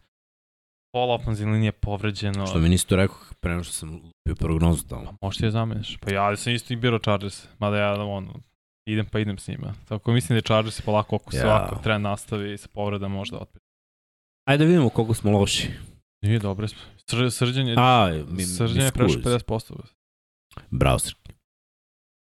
Ali možeš heroje, džokere... E, pravi. najbolji on gol bio Pablo. Jeste, 11. 11. Da. Primio Gino Smith. Da, igra Gino. Igra. Imaju pobede, tebi je... Christian McCaffrey, triple. Ja sam kažem triple double, triple single. Imao... Run CMC. Da, da, run CMC, da, da. da. Tako da, sjajan je bio, rekao sam već, touchdown dodavanje, hvatanje, trčanje, mislim, fenomenalno. Meni je kamera, mislim, znamo kakav je igrač, evo razlike. Tenci kako igraju kada mm. je on efikasan, ako je zdrav, to je njegov najveći problem, on nije zdrav, ali kad je zdrav, baš je mhm. opasno oružje. Mnogi su probali da traduju za njega, yes. Saints su rekli, paljba. Ne, tražili su i dva pika iz prve runde. Pa ja bih tražio. Ja Tražio bi tri. Znaš šta, tražio bi tri pika prve runde lagano. Jer neću da ga dam. Mislim, ako ću da ga dam, daj mi ono da, da, da rešim franšizu u sledećih pet godina. Ali pametno što ga nisu dali, iskreno. Jer on pravi ozbiljnu razliku. Dobro, Srkio je Cleveland Browns i opravdao napokon je ceo tim odigrao na nivou koji se donekle očekuje od njih. Baš tako, baš tako. Možemo dalje, uh, Jokere. Kad smo kod Cleveland Brownsa, Mari Cooper. Dobro. Sjajno pojačanje, stvarno za Cleveland ispostavilo se da je pun pogled za, pet, za pika iz pete runde, stvarno. Da, da. Nešto. Dobro. Dallas nije imao pare, znaš. To je problem. nije, a i Jerry ne voli, Jerry više voli svoje igrače koje on mm. draftovao. E, Mnogo više voli. Jerry kad dovede da jednom pare i to je to, ne da, obnavlja ugovore. Da. Istina, istina. Meni je ovo Jan Kuku, Kuk, uh, e, Atlante 3-3 od za 3, 4-4 za ekstra poen, mislim, no, izgrbio, dobio tekmu. Dobio tekmu. Mislim, on poslednje dve godine igra koji je najbolji kikera, nije na nivou Justin Tucker, ali igra baš dobro i mislim, nastavio je na ovom meču. Sveća sam prošle godine 3-4 puta, no. Da. on sam donao pobedu u Falconsima. Pazi, Iako su izgubili, ja sam ovde imao tri igrača uh, Karoline o kojima sam razmatrio. DJ Muru koji je se probudio i, i o dvojicu running, backa, running backova, ne znam, ono, do, dobri su bili jedan i drugi. Ali znaš šta, ovo je dodavanje PJ Walkera za DJ Mura je Pravo. po meni najbolje dodavanje ove sezone. Slažem se. Gde je stavio ball placement, yard. ball placement, jačina, težina izlaska iz džepa i baciti ovo na to mesto. Kako je vodio celu utakmicu, još je druga utakmica koju vodi. Znaš šta, Karolina je našla kvotrbeka i jako su imali dva pika dva pika prve runde koji su pokušavali mm. Darnold i Mayfield da urade nešto. Nisu bili, vej, ni blizu ovoga što je PJ Walker uradio za dve utakmice. Lagano bi mi bio starter. A ovi bi igrali scout tim u defanzivnoj liniji za, za bolje nisu. Čak su Saintsi baš za ovo šta su radili Raiders im izmaltretirali ih nulu im stavili, no. Da. mislim, neverovatno. Da, to je više herojski, ali da, branci. On mislim on birao sve timove. Da. I za tragičare i za heroje Jokera, tako, da, tako je kola. Da, ja ti čutimo, znači biomačno ne mogu. Da, gle, ja, evo, krenut ću ja, Raiders imaš, nu, imaš, nulu, imaš nulu tragičar si. Ne, nema goreg tragičara od ekipe koja se bavi profesionalno nečim i ono, to je milijarderska organizacija, igrači su milioneri, imaš nula poena. Kraj priče, mislim. Nema šta.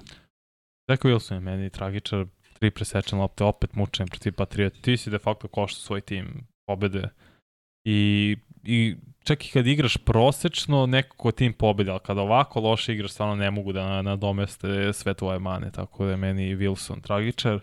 Trkaju su Remsi tragičar i opravdano. Nek, meni stvarno deluje da su Remsi slomljen tim, u smislu da ne, neće pronaći rešenje za svoje falinke i da je prošle godine što su osvojili pre svega bilo neka vrsta poklapanja zvezda i sećamo se ovaj Tart pre, uh, ispušteno, ispušten interception koji je imao realno su trebali da izgube taj meč od uh, ovih 49ersa protiv Tampe. Izvukli su se i jako su sami pravili greške, na kraju je Cooper Cup rešio taj meč, tako da neko se pokolopilo prošle godine Remsila, ove godine mislim da to nema teorije da se desi. Vrlo verovatno. Ajmo sada da vidimo koliko smo loči. Naše prognoze. Tan, tan, tan. Moramo smi... Mora napraviti jingle. Jingle. Napravimo jingle. Tako sam Ajde da vidimo ovako. Oh, Tampa. Baltimore Tampa. Ladno ste svi verovali, ja sam zaboravio ovo. Svi ste verovali u Tampa. E, ako. Dobro, viš da nije velike verovali. Pa, to je zato što je Srki brat. Jer ako ćeš igrati nasupran Srki, ja sve ne znaš što ti igrao. protiv mojeg gdje da igram protiv Tampa. Lut. Na osnovu ćemo da ih prebijemo. Jacksonville protiv Strašno. Eh, Denvera. Da. Trevore, Trevore. Ruke ti se usušile. Hvala A, DJ Muru za ovu pobedu za Atlantu, to da. stvarno mogu njemu zahvalim. Da pa šta njemu Piniro je kriv? E, Dobri je. Ali dobro, Atlanta je bolji tim. Zato je negativac bio, za, to je tragičar za Jimmy. Ja. Chicago protiv Dallasa. Zašto to radiš sebi? A pa mora. Pa Viš. zašto to, mislim, ne razumem. Ajmo dalje. Miami, svi protiv Detroita svi. smo izabrali, svi smo pogodili. Arizona protiv Minnesota. O, Jimmy je pa video Arizonu i ti si video Srke Arizonu greška. A, niko, mislim, osim Srkija ni, i Don Pablo nije video Saintse protiv Raidersa. Da Don Pablo razumu stvari, on zna Raiders izgleda u dušu. Da, da. Ja sam stvarno poverovao da su Saints on deo tog lakšeg rasporeda. Isto. Ja sam iskreno greška. poverovao u Jetsi da to može se promeni kao što, si, kao što je Srki, ali to... Da. Malo pa je bilo onako, znaš i... kao, imaju, imaju dobar skor. Pa da, 5-2. Mislio sam, znaš šta sam mislio? Isto da će menjati Jonesa i Zepija, da će ubiti ofenzivni ritam Bill. Nije se desilo ništa što sam... Mislim, e, ja... Bill je sad na drugoj poziciji prešao je ovog George Halasa, 325 pobjeda. Da. E, Svečarski je Bill Bells, misli 325 pobjeda. Pa, stići će oni na prvo mesto. Stići, ne, ne, sumnjamo to. Trenirat će bukvalno dok to ne uradi, onda će pa dobiti da, penziju. Ima smisla. Možda dalje, Srki. Samo pazi na telefon, moment. Pittsburgh Fila, svi izabrali Filu, svi pogodili, Tennessee Houston, svi izabrali Tennessee osim Srkija. Houston protiv Tennessee, srđane, wow, srđane. Dobro, on sad ide na, na, na ludilo. Ne, ne srđan veliki, nego da, da, srđan, srđan. Washington protiv Indianapolisa, srđan i Pablo, Srki i Pablo, Erceg i Pablo, birali Indianapolis. San Francisco, svi ostali Washington pogodili, San Francisco protiv eh, Remsa, ista ekipa izabrala Ramsey Ovo, jako. Drže se zajedno. Da, da. What a mistake to make. Giantsi protiv Sijetla. E, ah. ovo baš nisam vidio da Seattle dobije, ali Jimmy i Pablo da, jesu. Da, je Jimmy prvi. Tako su oni rešili. A Green Bay protiv Buffalo Dobro, Srki, podržavam te, drži se svojih. Srki to, veliki je verovao u svoje. I treba, podržavam to. to te, tu te podržavam, ovo ostalo, Chicago, to, to već stvarno ne može. Vanja, Srki i Pablo su birali Cleveland. Mi da, A, ostali Sinci i Graška, pa da. I evo naših katastrofalnih. Promada vidi, vidi, prišao sam na jednu od Srki. A to rešavamo u sledećem kolu. Kao, lagno što.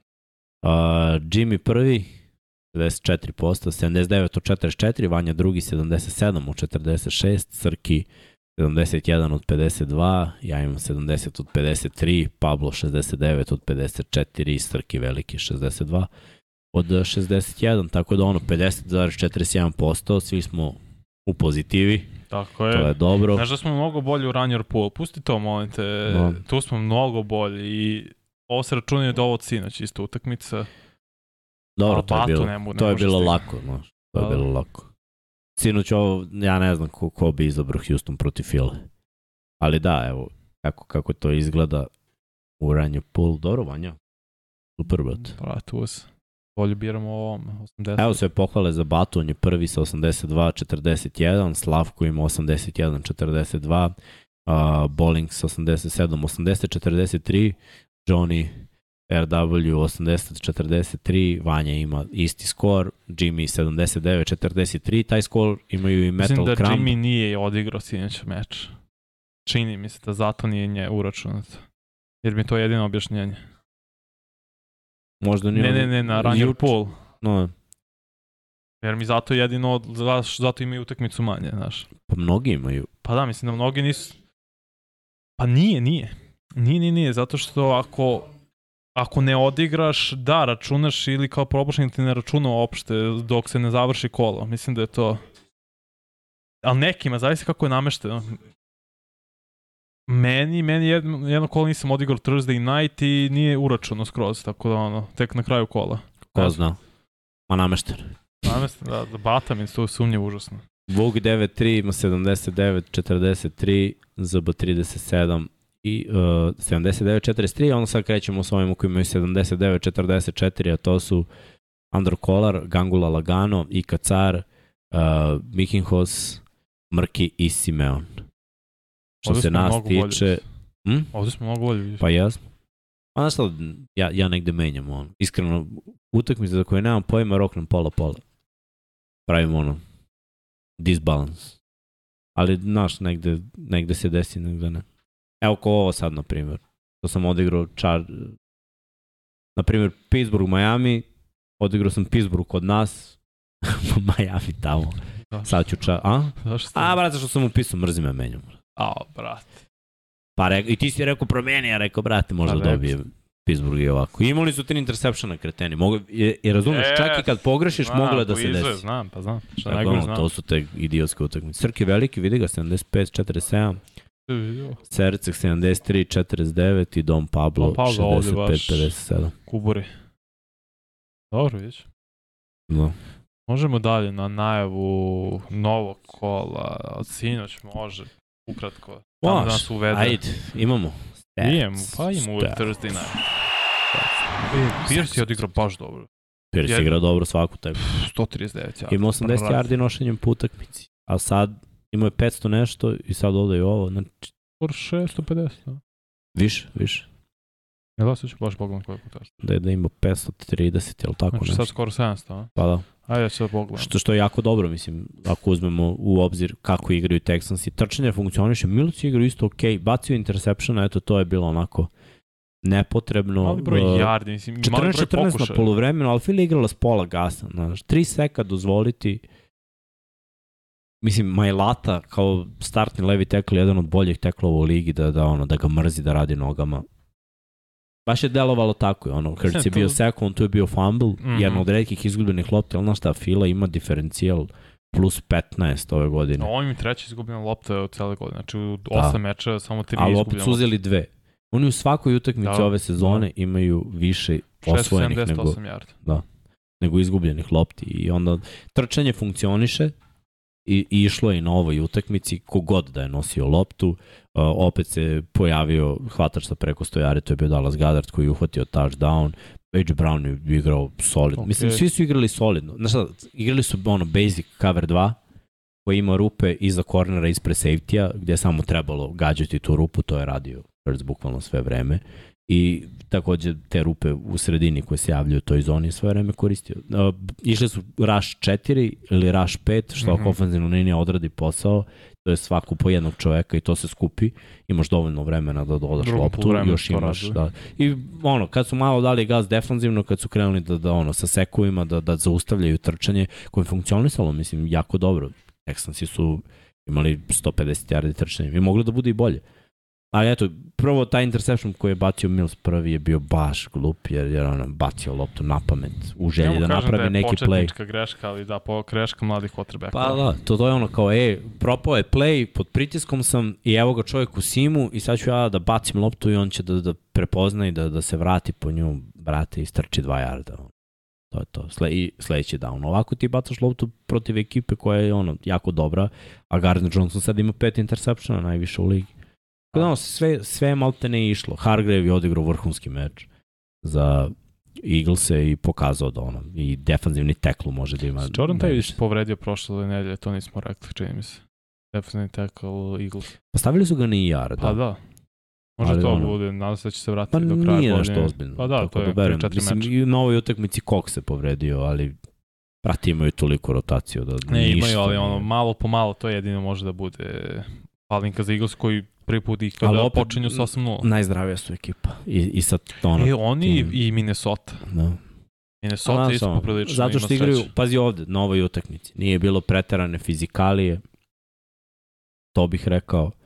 Opet igrali su ofanzivno protiv ono, coverage koji im jako odgovara. Defanzivno ne znam kako je tu moglo da dođe do, do, do neke povrede osim ono u toj gužvi prilikom trčanja, ali u principu Houston je radio toko dobre double teamove i pulove da je svako trčanje išlo 5 plus yardi mm -hmm. i mhm. već je otišlo na drugi nivo. Ono, manje više jedna trening utakmica za Eaglese. Mogu li nešto San Francisco iz ovog meča da uzme kako bi mogo napad, napad na Eaglese? Ne. Kroz, baš ta igra ne, trening utakmica.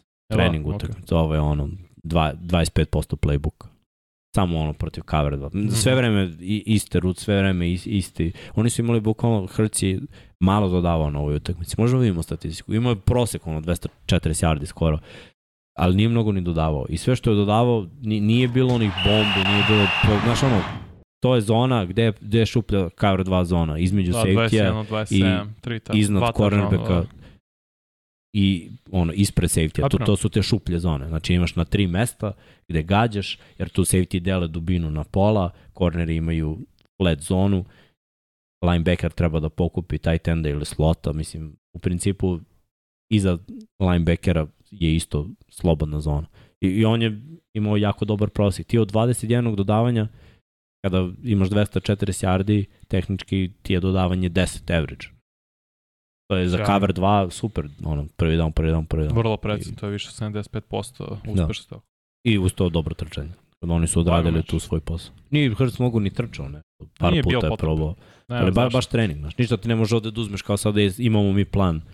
Nećeš ovde izvući mm ono šta Fila radi. Fila će se spremiti za svakog protivnika i, i bit će ono drugačiji playbook. Ono što im ide dobro na ruku jeste što ono sledeća tekma protiv Washingtona Washington pa Green Bay čini mi se. Imaju mnogo lagih. Pa Tennessee je jedini ozbiljni da, da, tim i Dallas ono, i pa, Giants koji Pa da, to će biti jedino. Imaju dve protiv Giants ih čeka. Da. Poslednje da. kolo čini se oko 13-14 tako da će biti. Vidjet Ali znaš šta i dobro je da izgube neku čisto malo da se zna. Ali jako dobro igra Fila ove godine i meni su oni prvi Houston polako sigurno ka prvom piku. Pa daj da vidimo šta ide dalje. Aha, mislim da... Jesmo izabrali? Jesmo. Ajmo, Srki. Šta voliš da praviš ten? Tak, tak. Ali dobro, može tako. E, režija. Kolci Petrioci je bitan meč za jednu iz drugih ekipu. Kogod izgubim, ja mislim da je za mene ispo iz play-offa. Ma, Kolci su već ispali iz play-offa, a Petrioci... E, neko čudo postoje, Nema ali ono... Evo sad ću da ti kažem zašto. Bill Belichick, Ellinger, Ellinger prvi put igra. A dobro, to je rešeno. Ne, ne, nema šanse. Nema šanse. Da, da, da, da, gde si igra na žiletu? nema šanse. Da, rekli smo to i za Mladi, Filca Mislim, nije isto Filca bolje, ali smo isto rekli nema šanse Chicago da pobedi. Ellinger igra prvu godinu. Nije draft, on nije ruki, ali igra prvu godinu. Da. U, u, opet Fields ima prednost jer trči, a u poslednje vreme bilo baš ne ide. To pričali, Sa da. njegovom odbranom koja je neuigrana protiv quarterbackova koji skrembuje. Da. Fields je imao jako dobar dan i dodavanjima kad izađe iz džepa. Mm -hmm. To je bio problem. Ellinger neće izlaziti iz e, džepa. Ne, ne baš o, mislim da je o poslednjem Samo meč, jako. Pritisak i trčanje, da ćemo stavljati kolci. kolce kao najavu kolci, meča. da, ne brane trčanje dobro. Ima šans. Znači, jedini Jonathan način da Taylor da Patriotsi izgube ovo jeste samo ako quarterbackovi pa mora budu prodavali kolca da loptu. grmi. Pa da, u da prošlosti, ja mislim da, da nije ova godina kad oni osvajaju lopte, to je već prošlo, prošlo voz. Istina, istina. Ali vidjet ćemo, mislim. Stvarno sumnjam, stvarno sumnjam. Ne vidim scenariju osim ono poklon, da Petrirovci poklon. to, lopte, to, da. to je jedino što vidim. Može dalje, Srke. To ne prenosimo. Ovo da, prenosimo. Bill Jets, potencijalno dobro meč. Kažem, potencijalno da zavisi biti, da. od Zach Wilsona. E, da. Realno, koliko će Zach Wilson i da li će lopte da prodaje. A ako bude prodavao, mislim da će da rastave Bills i Jetsa kao što obično rade prethodnih godina. Ako bude bio siguran, funkcioniše trčanje polje, onda možemo da imamo neki meč. Moglo bi da se desi. Znaš, imamo Nahima Heinza koji bi možda mogao da dobije na kašičicu par snapova. Ne, ne verujem da će igrati, ali ako bude igrao, može da uhvati nešto. Šta je ovde još ključ? E, zonska odbrana protiv pasa Jetsa je jedna od najboljih, protiv Josh Allen koji je najbolji, ima najbolji QBR protiv zone. Gledaj, protiv zone dobar quarterback rešava. Kad imaš koordinatora koji postavi, ti za svaku zonu imaš play. Nije kao da forsiraš play koji ne ide na tu zonu, mm -hmm. nego ono, pri snap imaš dve, tri akcije i menjaš ih na kontu coverage da igraju. Pogledaš dalje, ono, mislim, sumnjam da će Jets igrati man coverage. Što nije nemoguće. Ne isplati se protiv Bills igrati man coverage, onda Allen trči. Men, šta ti ka, kaže man coverage? Svako ide za svojim igračem. Da pošalješ igrače vertikalno, duboko, šir, da, da, da ukrštaju i sve to i, i gde ode secondary kad igraju man coverage za čoveku. I šta to ostavlja? Eto može onda CJ Mosley da bude taj koji će biti konstantno oči upretek Allen. Super, bit će to jedan dug dan. Plus, obično, on, naš, mora da se fokusiraš malo i na running back. To je ono.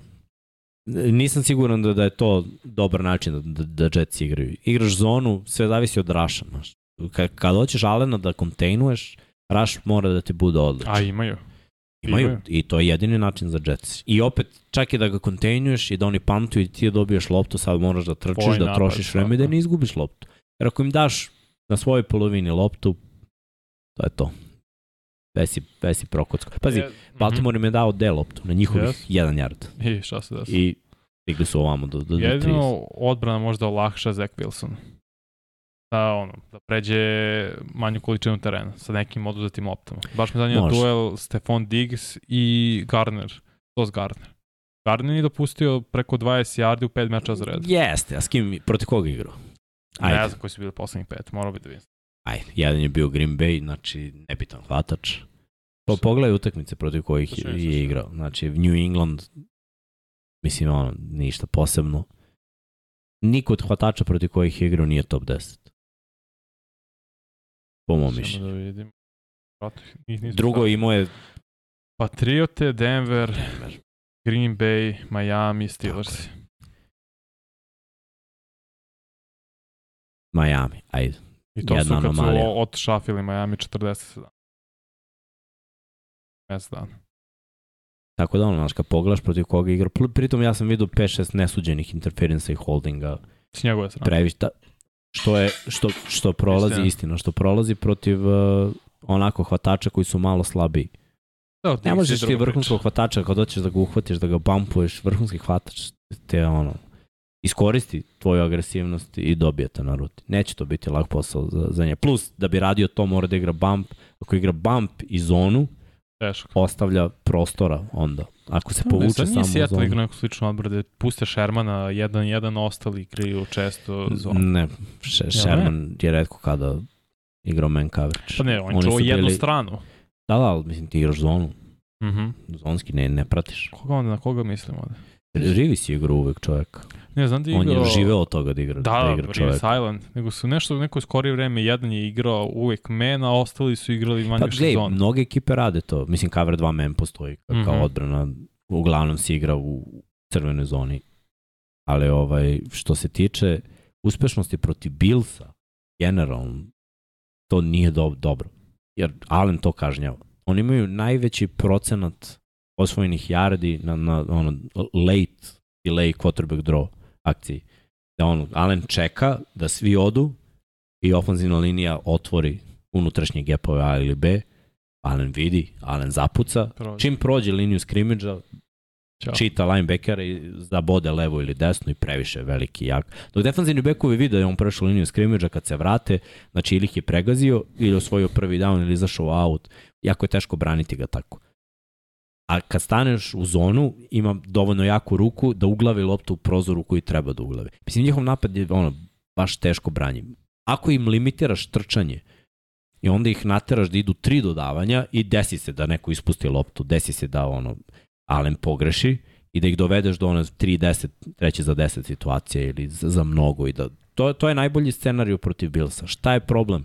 Moraš da igraš ofanzivno efikasno, Jer mm -hmm. ako daš 20 poena sa tom sjajnom odbranom, malo je, brate. Ne mogu oni da failuju 10 svojih napada. Oni će dati 3 touchdowna. Mislim, oni daju 30 poena skoro po utakmici. Dobro. Ti, znači, ti ako ih svedeš na, na 20, 23, 25, ti mora da daš više. E, pitan da li to može. Da li e, bez da. Brice Ja mislim da ne mogu. Ja mislim da ne mogu. Jer trčanje će im biti slabije. Brice je stvarno radio posao mm. kao bek. Idemo dalje. Ali bit će dobro, dobra utakmica. Da e. onda vidimo neku novu eru, djeca. Ramsey Buccaneers je onako više ime nego bilo šta, ali ajde, bila divizija prošle godine i ovo je ono Kome poziv. više znači ova pobeda, to je poraz? Baksimo. Baks ako slučajno izgube 3-6, ogroman problem. Pa u njihovoj diviziji ako Atlanta izgubi i ne toliko, ali ovaj, Baksima više znači, znaš zašto? Zato što ovaj, Remsi su pokazali neke naznake da, da kreće nešto. U poslednje tri utakmice Dobro. Buccaneers je ofanzivno, nemaju apsolutno nikakav ritom.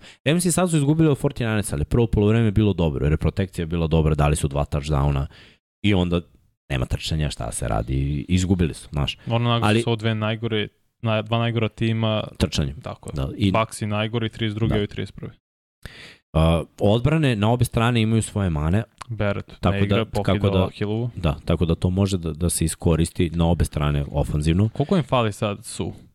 koji je zapravo dosta to je radio i realno i sad se pokazuje mnogo bolji igrač nego što je Hicks. Nego ovaj, uh, pa da. Pa Hicks ne igra. Pa, upravo Hicks to, ovo ovaj je bar igrao. Bar je bio tu konstantno. Ali nije meni problem to, meni je problem Rush. Znaš, oni su to imali nema JPP-a, mislim. Bereta i JPP-a se nemaju nijednog ni drugog. Tako je. I e, to je problem. Drugo, odustaju, znaš. Mislim, ono, Damon White odustaje od play-a. Krene da trči, stane. Sve što ne uhvati defanzivna linija, ako linebacker ne pokupi, to je na sekundariju koji je katastrofa. Na obe strane je sekundari katastrofa. Jeste. Ovi imaju Remzije i kraj. Da, ovim se vraća sad nekoliko igrača iz povrede i vraća se i Brate isto. To će značiti za napad, jer mora se uspostaviti igra trčanja. Mislim, Ma. o, Ramsey ne trče, nemaju s kim da trče. Gle, bi, da, biće... A ovi makar imaju Forneta i to ne forsiraju. Biće težak meč za gledati da. i raditi, ali velika, velika je ovaj veliki je značaj. Veliki je izazov za obe ekipe. Pritom, ko ovde uđe u ofanzivni ritam, bar malo, ima onako jednu prekretnicu da to može da bude još bolje u sledećim utakmicama. Trenutno su obe ekipe van ofanzivnog ritma s tim što Remsik su kao ubacili u prvu brzinu i krenuli u drugu. Znam, više dajem šance baksima da uđu u neki ofenzivni ritam, zato što imaju više opcije u napadu. I Julio će igrati zdravije, kaže ti Braid se vraća, Mike Evans, Godwin, ne znam, je li igra negdje? Igra, ali znaš šta, postavka, da. postavka a ovom ofenzivnom linijom, ako se da pritisak Bradyu, bit će jako teško. Jako ko vidim tendencije koordinatora na obe strane nisu da imaju balans. Već ono, idemo po mom, pa ono. Kao šta bude, bit će. Da, live by the gun, die by the gun. E, to će, to e, će e, da bude. To će da bude. Ali neko će pobediti ovdje održati šansa za play-off, drugi će se mučiti jako.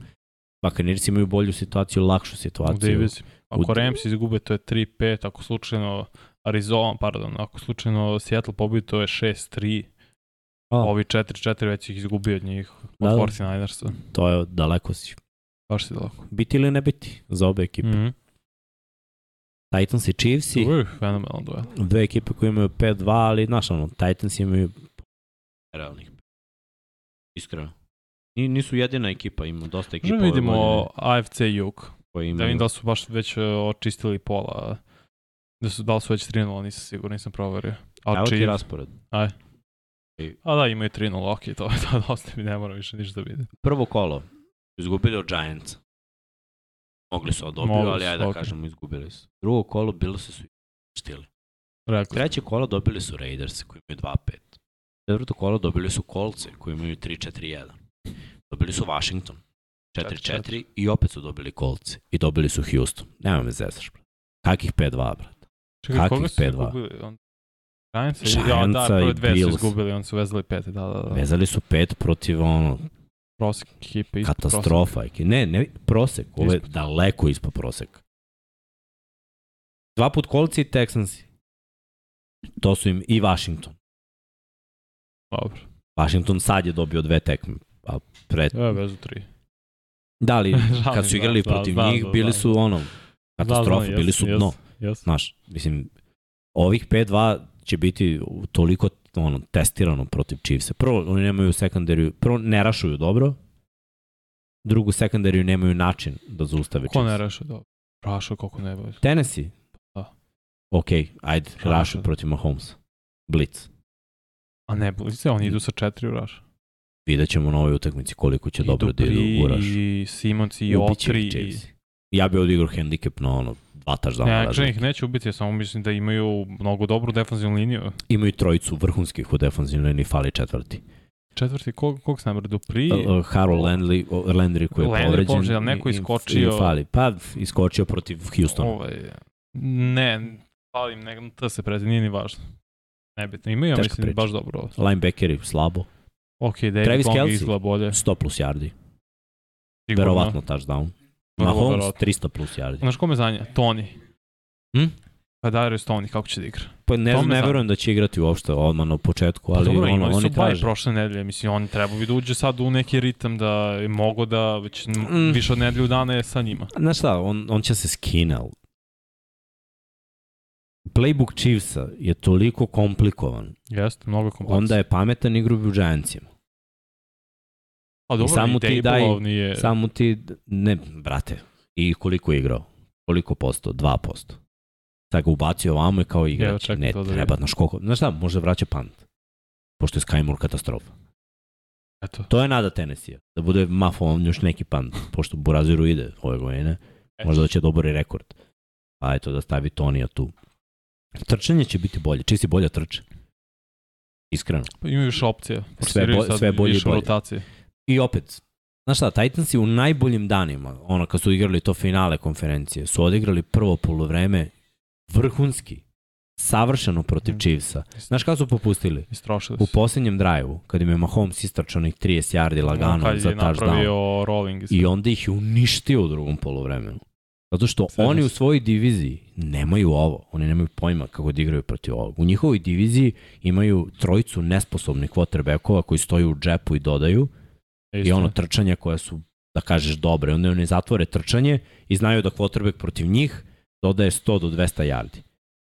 Kao sad što su dobili Houston, kao, znaš, kogod da igra, oni nemaju pravog protivnika u šest utakmica unutar divizije. Mahomes protiv njih je previše lako. Andy Reid da smisli ono, ja ne znam, jedino što može tenis je da održi ovde, ja verujem da će to biti, je ono, Derrick Henry 150 yardi. Jer Chiefs je ono, ne verujem da će to odbraniti. Mada, može da Chris se desi. Jones igra dobro, cijela igra dobro. Gle, linebackeri igraju dobro. Tako je Bolton tako da ono, i ovaj Gay. Gay, se vraća, da. Bolton dobro obara. Ako oni zatvore Henrya, mi nemamo šta gledamo. Ono. Samo treba pogledati kako su Billsi zatvorili Henry. Pa ti radiš ovaj meč, to. ti se nadi da će biti bolje. Ma gledaj, neka Chiefs daju 30 i meni je već dobar meč. Oh, da. Nek bude 37 ili ono 10, jer ja ne verujem da tenis je na ovoj utakmici. Prvo 20, a kuđu tu raspucavanje. Što igra Malik Willis?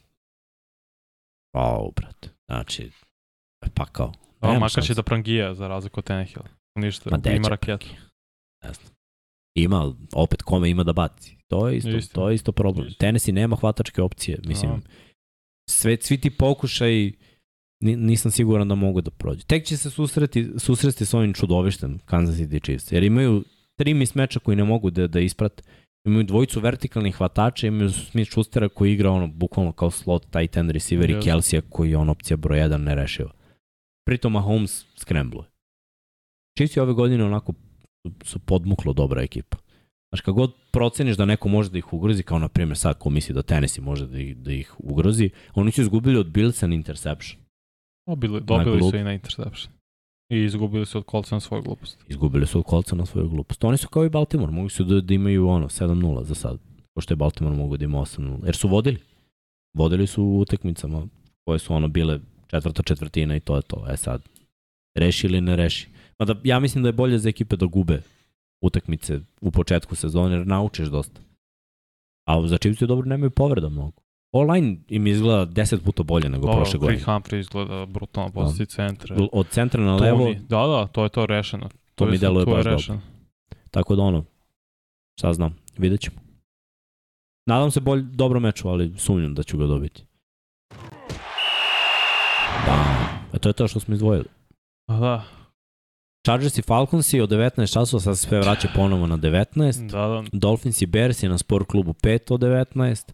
Pa dobro, to je ono, utakmica za Dolphinsa da reše, Bersi su, ovaj, videli smo već, malo odlučili da, da se pojačaju, stvarno. ali znaš šta, defanzivno bez Quina i bez Rokuana Smitha protiv Dolphinsa koji trče sa ovom dvojicom nerealnih eh, zuelica, teška priča za Veš, Berse. se da su zdravi hvatači bi imao neke šanse jer je secondary Atlante baš oslabio. Ma ja mislim da i dalje ima šanse. ima šanse, ali ne, baš bi ono, korak ostavio Austin, ako se gleda vidiš sve ove povrede i odbrane i napade, znaš. Ne znam šta očekujem. Ne znam da li igra, igra Cordell. Trebalo bi. Trebalo bi da igra Patterson, ako bi to predstavlja problem za Chargerse koji su najgori odbrani trčanja po nošenju 5,7 yardi, to je stvarno nedopustivo, ništa Staley nije to popravio u međusezoni, a Arthur Smith, hvala Bogu, pa zna to da iskoristi, tako da me to najviše brini, zato će biti tesan meč. Neće uopšte ovo biti uh, lako, plus ovi imaju sigurno kikera, mi nemamo, hvala Bogu, baš se povredio čovek, tako da biće, biće teško. Neće biti ovo uopšte lako za Giants. Nisam ni rekao da će biti lako. Dok, a ova Sinci, Karolina, to može da biti baš zanimljivo to može da bude ozbiljno prangijanje. Mada odbrana Karoline je mnogo ozbiljna. Zaustavljaju dosta toga. Da, Vuzija se povredio. Jest. I to je za kraj sezone, tako da... A i Mačin i Horn igraju sjajno, da. Brown istom poziciji defensivnog tekla, imaju opcije da kako da zostaje... Ajmo Panthersi. Hoću prvo mesto u diviziji bez da se trudim. Sigurno na Karolini? Nisam. Pa. Ne verujem baš toliko u Ali, ej, prihvatam... Pa ovo, pomoć, ja prihvatam. Ah, uf, ovo može bude Ma šta, ozbiljna mana. Šta gledaš? Mina, pardon. Green Packersi. Brate, pa, kako su krenuli, ne bih stvarno čuo da izgube. Ma daj. Aj.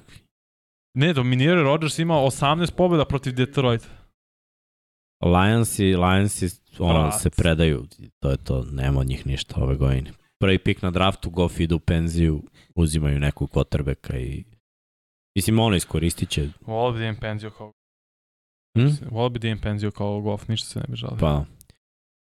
Kolce Patriote smo najavili, Bills i Jetsi takođe, to ide na sport e, klubu e, 2 od 19. Minnesota, ko... Dobro, da. To, to može da bude baš dobro. Može da bude dobro, zato što uh, Young Ne znam da li. Krenuo da trenira. Jeste, ali ne, možda će biti limitiran. Možda će biti game time decision da, znam. svakako određen broj snapova. Minnesota je favorit u ovoj utakmici, ali na domaćem e, terenu Washington. I e, to treba da spomenuti da je Washington će možda Snyder da proda tim. Pa da, dobro, bilo je prič. Mislim, svi ga teraju da proda tim, on čovjek teraju, neće. Ali sad je napokon angažao određenu kompaniju, ne znam zašto tačno, ali kao da izgleda će se ide ka tome da se proda franšiza, što je meni šokantno stvarno. Ba dobro, mislim, ono, kad te nateraju sa svim pričama no, koje su tu iza kulisa. Da. Pa, malo. Da li znaš dovoljno ljudi koji može da kupi za 6 milijardi? Znaš ko spomen? Jeff Bezos, zajedno sa Jay-Z-em. Evo, evo, krenuli su. Eto. Samo im fali još NFL tim. Dobro, mislim, verujem, verujem da, da ono, promene moraju da se desne. Znaš, rebranding, promena imena, sve to vodi ka, ka prodaji, po mom mišljenju. A ovo Raiders i Jaguars to je stvarno grozan meč sreća, pa to ne radite. Da, ne znam ko, ko gleda ovo, moje saučišće. E, Maše, navijač Raiders tamo. Dobar. Sve znaš, brate. Muk. Seahawksi protiv Cardinalsa od 22.05, bit će malo ranije taj termin. Ovo je da, divizijski... Dobro Ono, ja ne verujem, ne vidim scenariju da Arizona može da dobije ovakav Seattle. Seattle za sada mi ide, znaš šta, deluje mi ih tako ono hemija neka dobra, mm. kao mhm. onih godina kada su osvajali sve to. Svi su povezani, sve deluje dobro, nema više tih igrača starih sa tom nekom pričom o staroj slavi, već ono, svi su nekog pregrlili ovo što se dešava sada. E, pa, A sada Walker, se dešava da imaju pet igraju dobro. Walker, ofenzivni ruki u da. NFL-u, ovaj, kako zove, Tarik Woolen defanzivni ruki. Da. Redko i mesec, ako su pokupili te no, da. nagrade i obojica. Četiri interception, ovamo ovaj mali gazi. Već je presekao loptu Kyler Mare. Ove da. Sezone. Ja mislim da, da Seattle ovde ima prednost. Bez obzira što si igra u Arizoni, jer Arizona igra najgore kod kuće. Istina. Ne mogu da se sjetim, ali mislim da, da oni... Od prošle godine, ne. Dobro nemaju da pobedu kod kuće.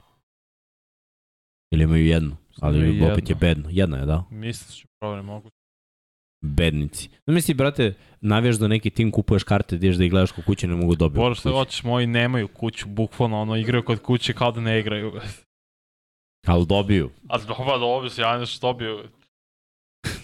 Da misli, odeš na utakmicu, stalno ideš na utakmicu da, svog tim. Da, dobili su Saints, ovo kad je ovaj bacio... Da, dve, dva pick six. Da, da. Kakav imbecil. Nesretni. Andy Dalton. To, strašno. Uh, ove dve utakmice smo najavili, ali su isto na sport klubu. Ramsi, Buccaneersi i Titansi i Chiefs su zapravo Monday night. To je Sunday night. A Monday night su uh, Ravens Saints. O da. Am... Što to nisi izdvojio? Pa zato što ćete lako dobiti. Da. to sam isto i za Raiders. A dobro, vi ste mi poprilično sigurni, plus imali 10 da. dana da odmorite. Zato da što stigli Thursday night. Za tehnički 11. A dobro, da. Znači, svaki znači, dan znači. znači.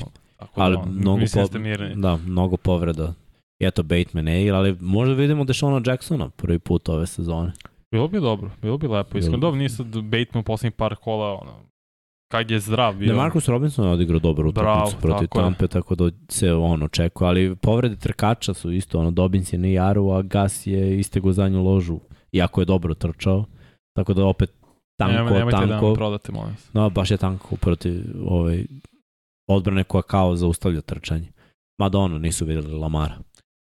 E, ali zato San Francisco, Denver, Cleveland, Dallas, Giants i Steelers i ne Ja sam mislio da je, zar nismo rekli da je obavezno oni koji igraju u Londonu da imaju baj ili da imaju sledeći meč kod kuće? Aha, aha, da, ok, ok. Denver je na baju, a Jackson ili igra. Zato se... No. Cool. Dobro, možemo imamo i naše prognoze za ovu nedelju. Dobro smo krenuli svi sa filom, jako. A je, bilo baš teško. Pa dobro, neko je birao... Stvarno.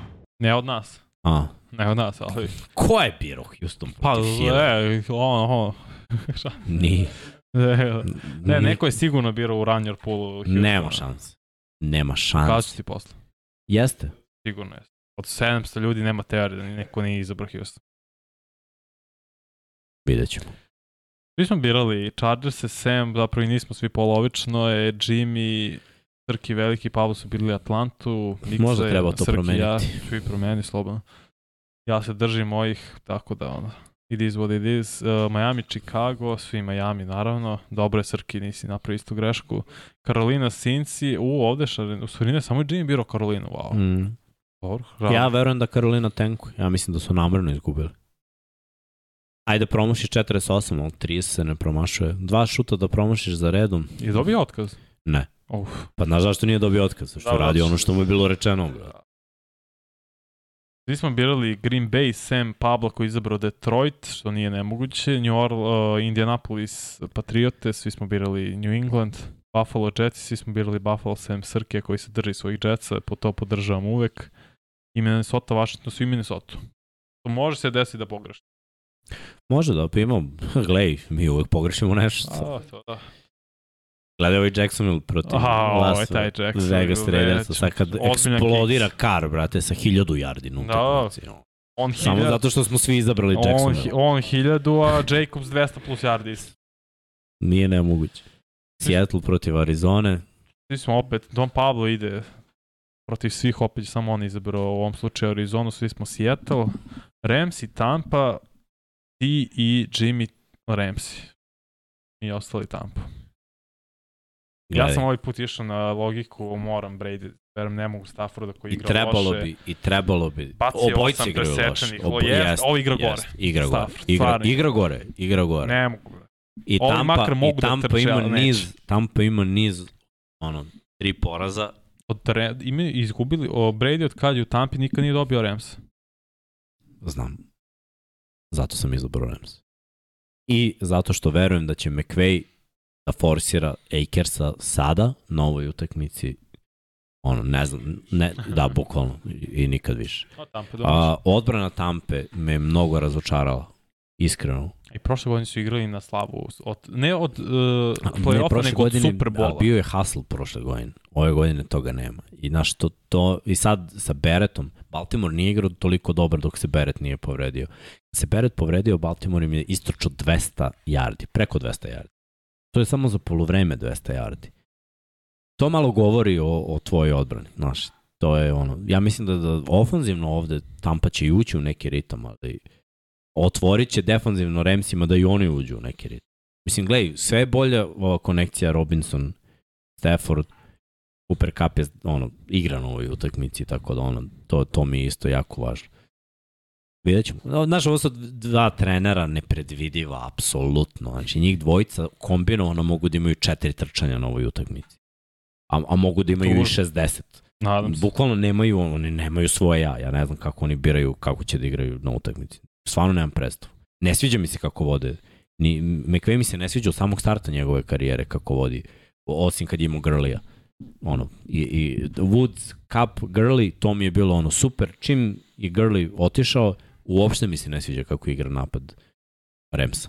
Znači, to, to je previše forsiranja. A forsiranje je left, za Leftvića nadimak, tako treba, forsaž treba mu bude srednje ime. Svi su birali Chiefs-e pred Tennessee. Pa naravno, nije iznenađujuće. Pa nisu Chiefs i Houston. I Pablo opet jedini nasuprot svih birao je Saintse protiv Ravensa i šest timova koji smo rekli su na spavanju. Pa dobro, Možemo da, da, da li možemo dvocifreni da izvučemo ovo? ovo? Ima utakmica, ima 13. Mm, teška priča, a? Pa dobro, krenuli smo sa 1, znači 12, ovo, treba 9 makar. Pa da. Možemo, uvijek smo tu, mislim, ja nisam ispod 8 do sad. Uvijek je od 8 ja do imao. 10. 11 maksom je. I to na puno, da. na puno utakmica.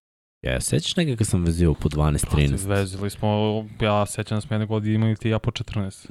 Bolesno, sad ne, ne mogu pogodim nedelje, ništa. Ali... Sad ovako biram. Uzem onaj štap i, bi, i biram ko će ja da pobedi, brad. Užas, stvarno, stvarno, ali ove godine toliko prosečnog futbola da, da, da je strašno. Ovaj, ajde da, da- što imamo dalje? Pitanje i odgovor.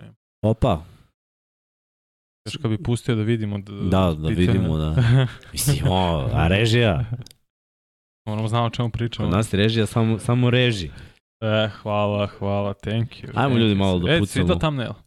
Video, ajde da ja pucimo malo thumbnail. Sad ćeš da ga objasniš. Mislim, ljudi već kopiraju, ono ne vidiš što da objašnjamo, ali... Da, da, naše su lude ideje da svi skopiraju. Da, pa da, malo Halloween, noć vešti sa tim, zašto nisi stigao prošle nedelje. Već je bio starački dom prošle nedelje. Prošle nedelje. Ali ovaj, ovo Grim Reaper, to je Father Time. Preako. Napravio list sa koga. Da, Nekog već jeste, da. Matt Ryana mučenog veće. A fali mi ovde još, još malo spomenika ovih ekipa koje... Ali, još su stali, jer morao mora stavim Raiderse, zato što je stvarno... Dobro, da, bilo je sramno. Sramno je bilo, stvarno je bilo sramno.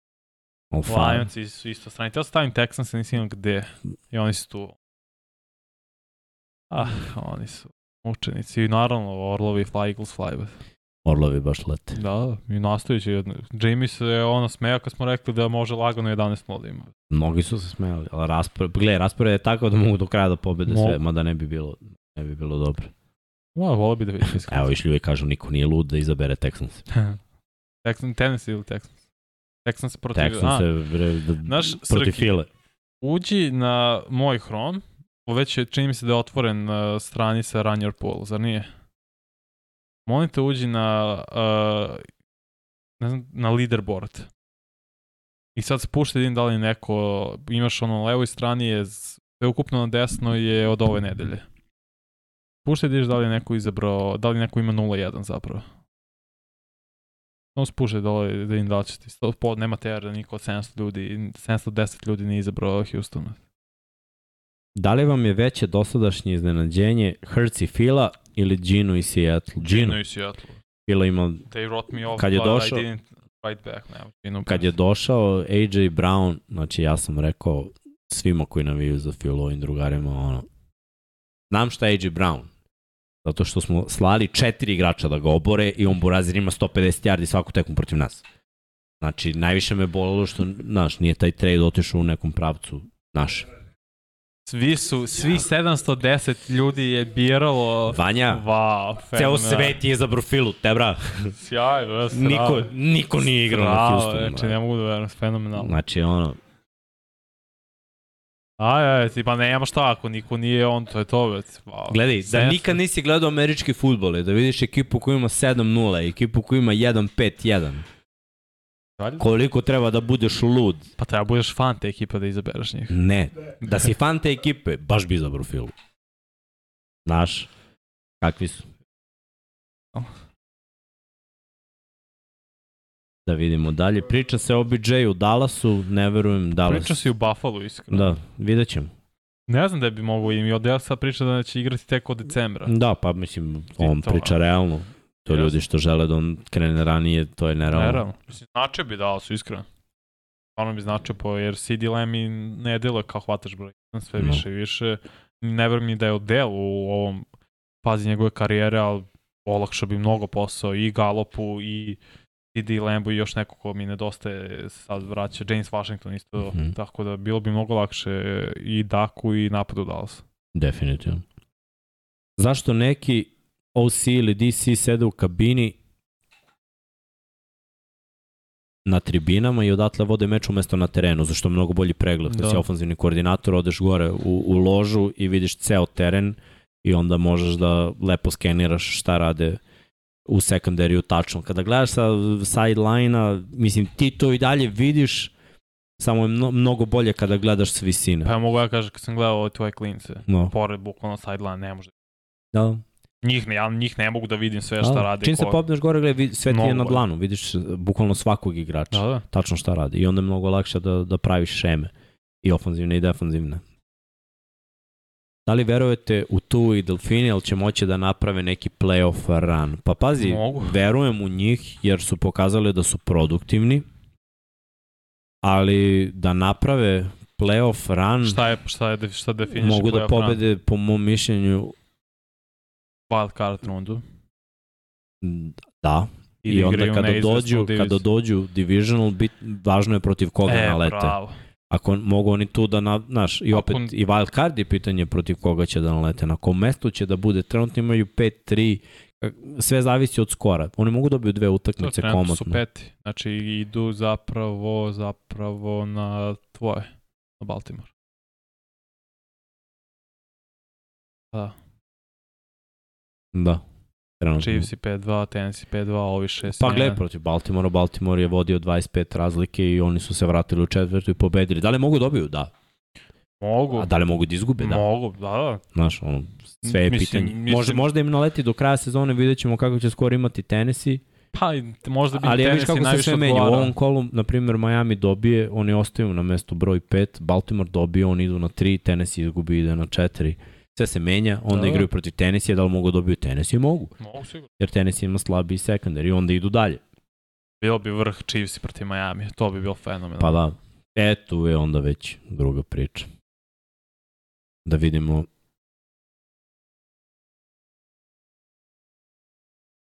Zašto nikom nije tragičar kola punt returner Giantsa, dva, dva fumbla imao na punt returnu. Mnogo tragičar. Da, gledaj, Sva. ja sam morao da stavim ekipu koja ima nula poena. On, mogu si imaš pet fumblova, ali nula Možda poena. Nula poena. Pa od neko da. da, meni je iskreno nula poena, brate. Kad vidim nula da je ekipa imala u američkom futbolu, to kako gledaš basket i ekipa ima 20. Znači, sam misli košarkašku utakmicu, gledaš ekipa ima tipa 30 poena. Ha, to je to. Znaš... Zašto, zašto dobijate pare? To je prvo pitanje. Konferencija za štampu, zašto vi dobijete pare? To bi bilo moje prvo pitanje. Ko vas plaća? I zašto? Koliko imamo shut, shutoutova? Ove? 3-4 mislim da je bilo. Mnogo, Čini mi se da. da. bilo 3-4. Ne, nekada, znaš, nije baš bilo tako. Prošle godine bilo baš ono, radilo smo, mislim, radilo smo. Naznačili smo to kad je shoutout bio. Kad je to, kad je tim sad, imao nulu. Manje više. Dešava se, dešava, dešava se češće. Eto zašto nije bio tragičar, mada tragičara je stvarno bilo mnogo što kaže Vanja. Uh, San Francisco fila finale konferencije, vidjet ćemo, moguće. Mislim, fila će biti, po mom mišljenju, prvi sid u NFC-u, pa ko naleti.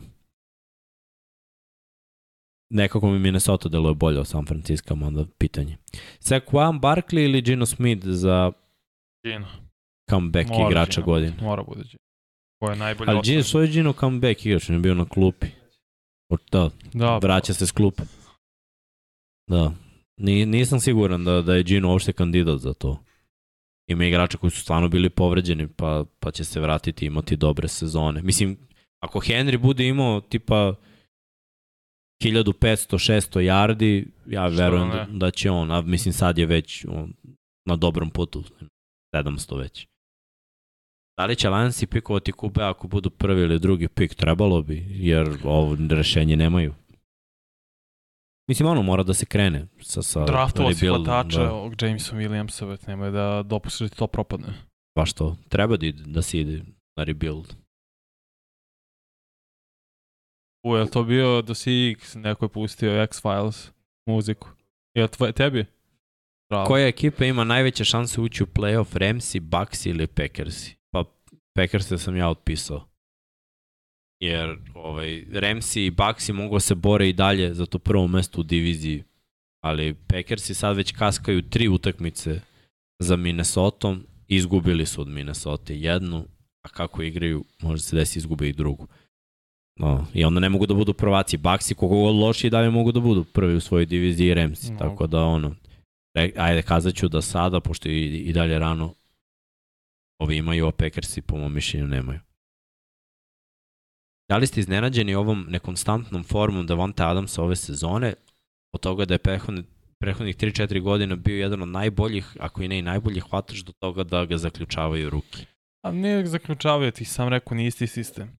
A i po, ima takvu konekciju, to jest imao je sa Rodgersom, da prosto ne može da ima mm. to isto sa Derek Carrom. Jako su igrali na koleđu, ovo potpuno su drugačije osobe, da počnemo od toga i Kar nije taj kalibar quarterback kao što je Rodgers i ne možeš da razviješ hemiju za jednu sezonu, to je nemoguće. Istina. Dobro, gledaj, on je efikasan, Ali pa to mu dajem, daje taš down i dalje. Znači i dalje jedan od najboljih hvatača u ligi ako gledamo efikasnost u postizanju. On dvocifren je gotovo uvek. Ja ne pamtim njegovu sezonu da nije imao ono, kad igrao, mislim, celu sezonu, da nije imao 10 taš downa. To je jaka stvar vrlo važno za zahvatača koji je broj 1 da postiže poen. Redko, redko ko postiže poen i ima yard. Baš mora da sve bude, da se poklope sve kockice. Prema kladionicama, Barkley je favorit za comeback player of the year, a iza njega je Gino. Pa moguće, ali mislim Gino da bude comeback, to je meni malo absurd. Vratio se posle 8 godina od igra. Šta, šta? E pa jeste, vidiš. Da. Ja bi, ja bi. Nije loš, ima još par. Da. Da li je Sean Payton pravi čovjek za rebuild ili njemu treba gotova ekipa? Sean Payton treba da ga ide u Chargers. Znači, Staley radi grozan posao, ja hoću Sean Paytona da dođe u Chargers, ima je potrebe, ka, on voli da e. radi sa ovakvim potrebe, ako ima, znači ja bi zaista voleo da dođe, da. Znam. Znam da je bio baš zato, znači i sve tu, molim te, već si u LA-u zbog Fox Sportsa, znam da tamo radi kao savjetnik, taj problem. Vidjet ćemo. Pitanje je da, da ga želi Karolina, mislim Karolina Već želi nešto. Već dopustiti u diviziji. Sve je moguće u dan, današnje vreme. Da li je telefonirano da Fila uđe sa prvog sida, propusti Valka rundu i onda gubi prvi? Pa eh, sad. Jest. Može i ne mora biti. Pa, ko, ko to znati. Mnoge ekipe su pobeđivale, mnoge ekipe su gubile, to, to je samo kako se postaviti. Filadelfija, ako se ne varam, Filadelfija je uzela Filadelfija je uzela Super Bowl kada su bili prvi seed. Pa da, zato što odmarali su prvo kolo. Ta, ta su dve ekipe do duše odmarale, tako, oni tako su igrali kod kuće playoff. Igrati playoff u Philly nije isto kao igrati playoff u većini gradova. Igra, doći u Fila Filu... Fila je sportski grad. Šta? Ma Fila je ložački grad. Jest. Dođeš na Lincoln Financial da igraš playoff. Mnoge ekipe ono, se ne vrate tog puta. Stvarno Filadelfija. Aj bre, palili su svoje ulice, bre. Yes. Lomili, palili Lomili kola, živo. divljali, bre. Filadelfija je poseban grad. Samo bez stovki, molim. Tako da, ovaj, ne bih rekao. Ko? Šta dalje za Saintse? Hoće tražiti Kubea na draftu ili eventualno free agency? Učili se da je ekipa takva da im fali kvalitetan Kube. Mislim, oni pikove na draftu nemaju. da, to pripada film. Da, njihov da. pik je film pik. Tako da ako biraju quarterbacka, to nije neki talent. Sem ako opet ne daju budućnost kao što je dao San Francisco. Pa da. Ne znam. Za sada je ono, treba da nađu nekog quarterbacka koji, koji je moz da, da se premosti možda, naš Winston da ostane. Mislim, on je potpisao i na sledeću godinu, tako da ostane i sledeću godinu dok oni ne razreše neke situacije. More malo da raspuste ove veterane u odbrani, jer nisu njihove sezone. Da, treba pre, preseću. Da. Tomas, čao. Ostave Jordana i, i Davisa jedino, svi ostali čao. I Latimor. Al, Latimor, on, ali on je mlad, on je mlad mislim, njega ne računam kao matorac. Ulazi drugu... Da. Jedino od, ne, drugu ostavio godinu, bi od drugu... veterana, uh mhm. -huh. od veterana bi ostavio bukvalno Camerona Jordana, Moraš. te Marija Davisa, on igra dugo, i, i Latimora. Taj trio I Renč, dobro. Ofanzivno, pa da. Tomasa bi katov odmo. Kameru kad već nisu utopili za pikove, a probali su, onda ništa, nek ostane i on i to bi bilo to. I mora kreneš da gradiš opet. Mora, e, Alen je, ono, možda i nije najbolji izbor da bude trener. Ako će da bude trener, mislim da bi trebalo da nađe boljeg ofanzivnog koordinatora. To, od toga bi krenuo. Neko ko može da zauzda ovu dvojicu prangijaša. Mogu li Jetsi do play-offa ove sezone? Mislim da mogu. Wild card, ono, tri ekipe za wild card, znači ako ne računamo prvake divizija, Od možemo da otpišemo zapad, jug. Istog, zapad i sever mogu da daju po jednu ekipu. Mogu. A može da se desi da... Realno sever i istok. Mo, može da se desi da, da gledaj, i, i, i svako od njih ne da ekipu. E, mislim da jug ne daje sigurno. Re, da rekao da bih, da. Za zapad manje šanse zbog povrede. Ali gledaj, zapad i sever su ono izjednačeni prilično. Yes, Neko više verujem u taj da će neko da iskoči. Mislim, on više verujem trenutno u Sinci i, i Ravens da će se izboriti za playoff nego što verujem u svoje Chargers. Tako mi neko ostavio utisak do sada. Mada, da kaže se, mi totalno mozak. Zaboravio sam da ti se koncentriš, koncentriš. Ne mogu nešto. Poslednje pitanje za večera, šta mislite još koliko Von Miller može da nastave da igra na ovakvom nivou i da bude najuticajniji pas rusher u ligi? Pa da, Mislim, on sad već i ulože dosta u svoje mm. telo mm. i... 33.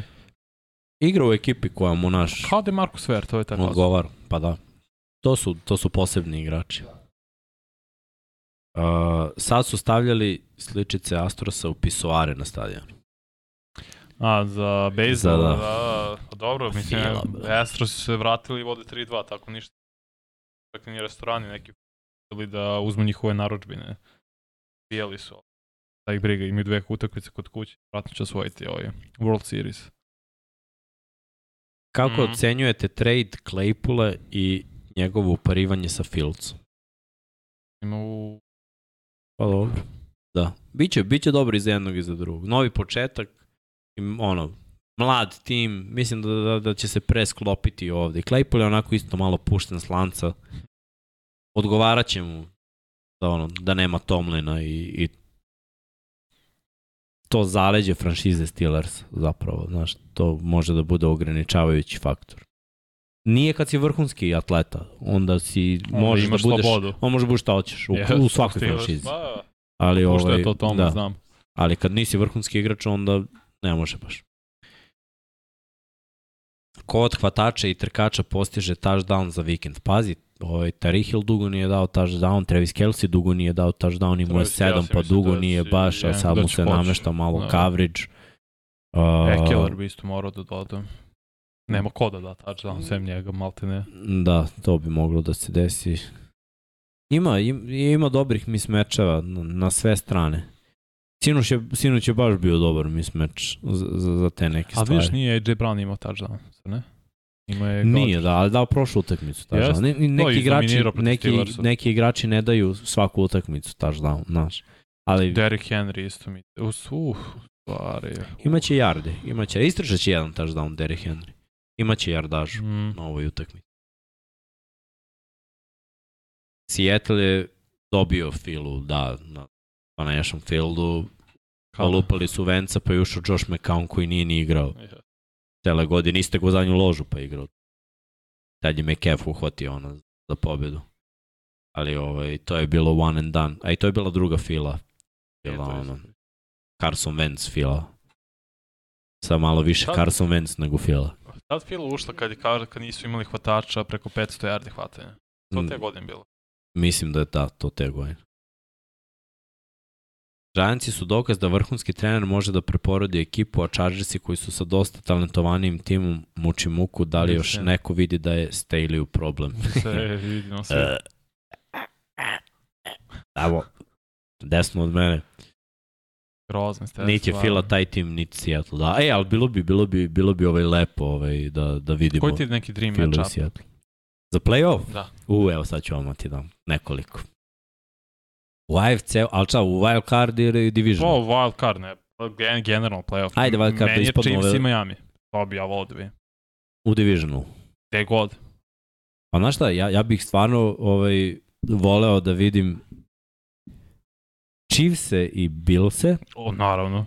I, i Dolphins i Ravens da budu divisionu. Aha, okej. Okay. Može. Ono, može. već su igrali može. i jedni i drugi i jako je teško kad već igraju ekipe. Mi spazi, Ravensi su igrali i sa, sa Buffalom i, I sa bio bi to dobro. Da, da I tako bi upario u AFC-u Divisional, što bi ja volao da gledam, naravno. Ne znači da, da moje mišljenje je tu nešto važno, a u NFC-u po svemu sudeći, pazi, e, Vol, volio da. bih da Minnesota i Fila igraju odvojeno da bi se našli Minnesota, u finalu. Minnesota, San Francisco. A Fila, ne, ne, Fila. Dallas bila Dallas bi voleo zato što je divizija, zato što je to rivalstvo godina voleo bi to u, di, u diviziji, zato što je realno, to može se desiti. Da, ali znaš šta, onda im, tako imamo mis mečeve drugačije. Iš San Francisco Fila su dve trkačke ekipe sa jakim ofenzivnim i defenzivnim da. linijama, a Minnesota i, i Dallas su ekipe koje mogu da trče, ali zasnivaju svoj playbook na finesi, onda bi bili izjednačenije tek. Mm. Pa ko je bolji neka ide u finale, što ja mislim u ovoj situaciji da su baš Fila i Minnesota. A ovamo u AFC-u ne bi mogao da kažem, jer, jer mi je nepredvidivije, znaš.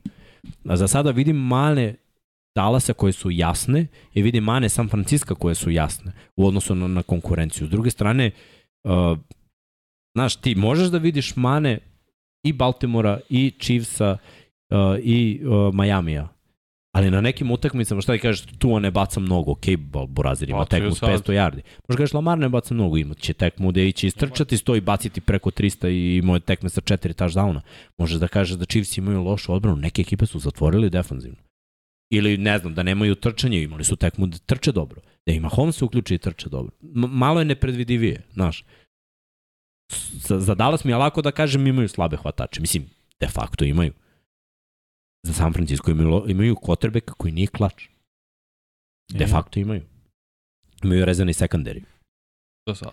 Imaju, tako da ono, kad, kad uzmem, Minnesota mi deluje prilično kompletno, e, za Minnesota, sada. Da, deluje kompletno, ali ne, Videćemo, upe, ne mnogo ubedljivo. Je rano, mnogo je rano. Mislim što je možda i dobro, ne, po, ne pobeđeno mm. i mhm. odvaljuju timove, ali e, 6-1. Pa da, pazi, Pet su dobili na posled manje. Iskren da budem, i Fila ne odvaljuje sve timove. Ovo sinoć nije bilo odvaljivanje, ali si vidio da igraju iz pola gasa.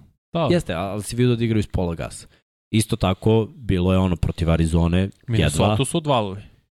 Dobro. Minnesota je bliži. Mislim ono, u posljednje neko vreme. Vidjet ćemo, šta znam. To je nešto što, što bi ja volio da vidim. Par pitanja. AJ Brown je imao touchdown sinoć. Jel jest? Damn. Da, imao je da, bravo, imao je. Uhvati bio je sam 5 yardi, cross je trčao, sasvim se. To permuto mečom protiv Steelersa kad je imao upatio 5 yardi i oduvao one da. hvatače, one DB-eve. Pre toga imao jedan, pa je prošle tri i sad ovo je peti. Ovo je. Da li može, da li ovo posljednja Bradyjeva sezona, ne da. znam. Da. Čemu? Mada sad kad se razvio, sad ima vodu da, da, da. igra dok hoće. Brate, je... Uhvala. Sad je slobodno, sad je pušten slanca. Da li bi Washington Do oh. kraja ove sezone trebalo da igra sa Heinekem da. umesto Venca, da. Uh, čekaj da vidimo da... No. Young ili Stroud u Lionsima? DJ Stroud. Veće, malo je jače građe. Da kad nas iznenade sve izaberu. Dobro, bude Will Levis to bi. Izaberu nešto drugo. Ono, pazi, ofanzivna linija i trčanje, to je nešto što Dobre. je radilo. Dobro im To je radilo, tako da, znaš šta, hvatači, hvatači quarterback, to i u, u odbrani mora da se, da se pojača dosta, dosta toga. Vidjet To bi bilo to, a? Vidimo ovde. Pa da, moramo da polako... Luke i Kuzma? Tako je, za 20 minuta. Za 20 minuta, dobro. Ništa, da privodimo kraju još da. jednom. Hvala što ste od 250 sve vreme ovde u live-u, to je super, ali lajkova 135. Moram, da će morati ljudi da, da lajku, pozivamo na lajkove, da se subscribe-uju, da, Moramo da zaprate na Instagramu. 3D animaciju ovde da prolazi. Da, da... Pa, da, može. Ti reći, periš, radimo sad, pravimo ovo za Patreon. Pa imali smo uh, video, to je Zoom, sa Patreonima i sa članovima. Carski. Trki, Deki, Paja, To je trebalo da traje 45 minuta, trajalo 2 sata. Pa naravno, a jok. A bilo je veoma cool. Pa naravno. Sa ovim napravit ćemo i mi za 99 jari, tako da... Super. Samo javit ćemo na vreme šta, kako i tačno koje doba. Nešto, mislim, predveče popodne, vrlo verovatno nakon posla, obično ljudi radi do 5, pa tako oko 6, pola 7. Da, još jednom da odgovorimo na neke, sam knjige gotov, mm -hmm. ko je tu kupio knjigu ovako na, u pretprodaji dobit će verovatno do, do Superbola kada Tako će je. sve biti gotovo, knjiga je na štampanju. A, što se tiče majica, možete da ih a, poručite ili da, do, da, da dođete fizički u Svetokorsku 46 na drugi sprat i, da uzmete na licu mesta. Prodavali smo majice i na sajmu mm -hmm. knjiga. A, takođe, što se tiče 99 yardi, naša saradnja sa Dogmom i Sek pivo je tu u dogmi 9,9 alkohola i onako. Koliko voli malo jače pivo, odličan ukus. Što se tiče UNICEF-a, eto tu još jednom pozivamo da budete humani i da pomognete ako ste u mogućnosti, a naravno ne bi bilo loše da pomognete malo ni nama, pa ono malo like, malo da budete članovi, malo Patreon, ako ako želite, ako, ako ne želite, niste, mi smo tu, pa smo tu, pa radimo ovo NFL 100 knjiga je iza nju bi mogli da... To, to nam je sleća. Ovaj, jeste. Da, da, da, da, da nju prevedemo da, nekako i da, da odradimo ovo, ovaj, jer zaista ima tu e, do, dosta nekih podataka koje ja nisam imao predstavu. Kad sam prvi put otvorio, kad sam pogledao neke stvari, a mislio sam da znam sve. Bio sam u fazonu, au. A znači tako je. Sedi uči. Da. da, da, je, um, ne, fenomenalna knjiga. Tako da ono, to bi bilo to. Hvala vam još jednom što ste bili tu. Sve što nismo odgovorili, slobodno pišite u komentarima kao i svake nedelje. Trudećemo se da, da odgovaramo na, na sva vaša pitanja. A do sledećeg petka. Pozdrav iz Infinity Lighthouse studija.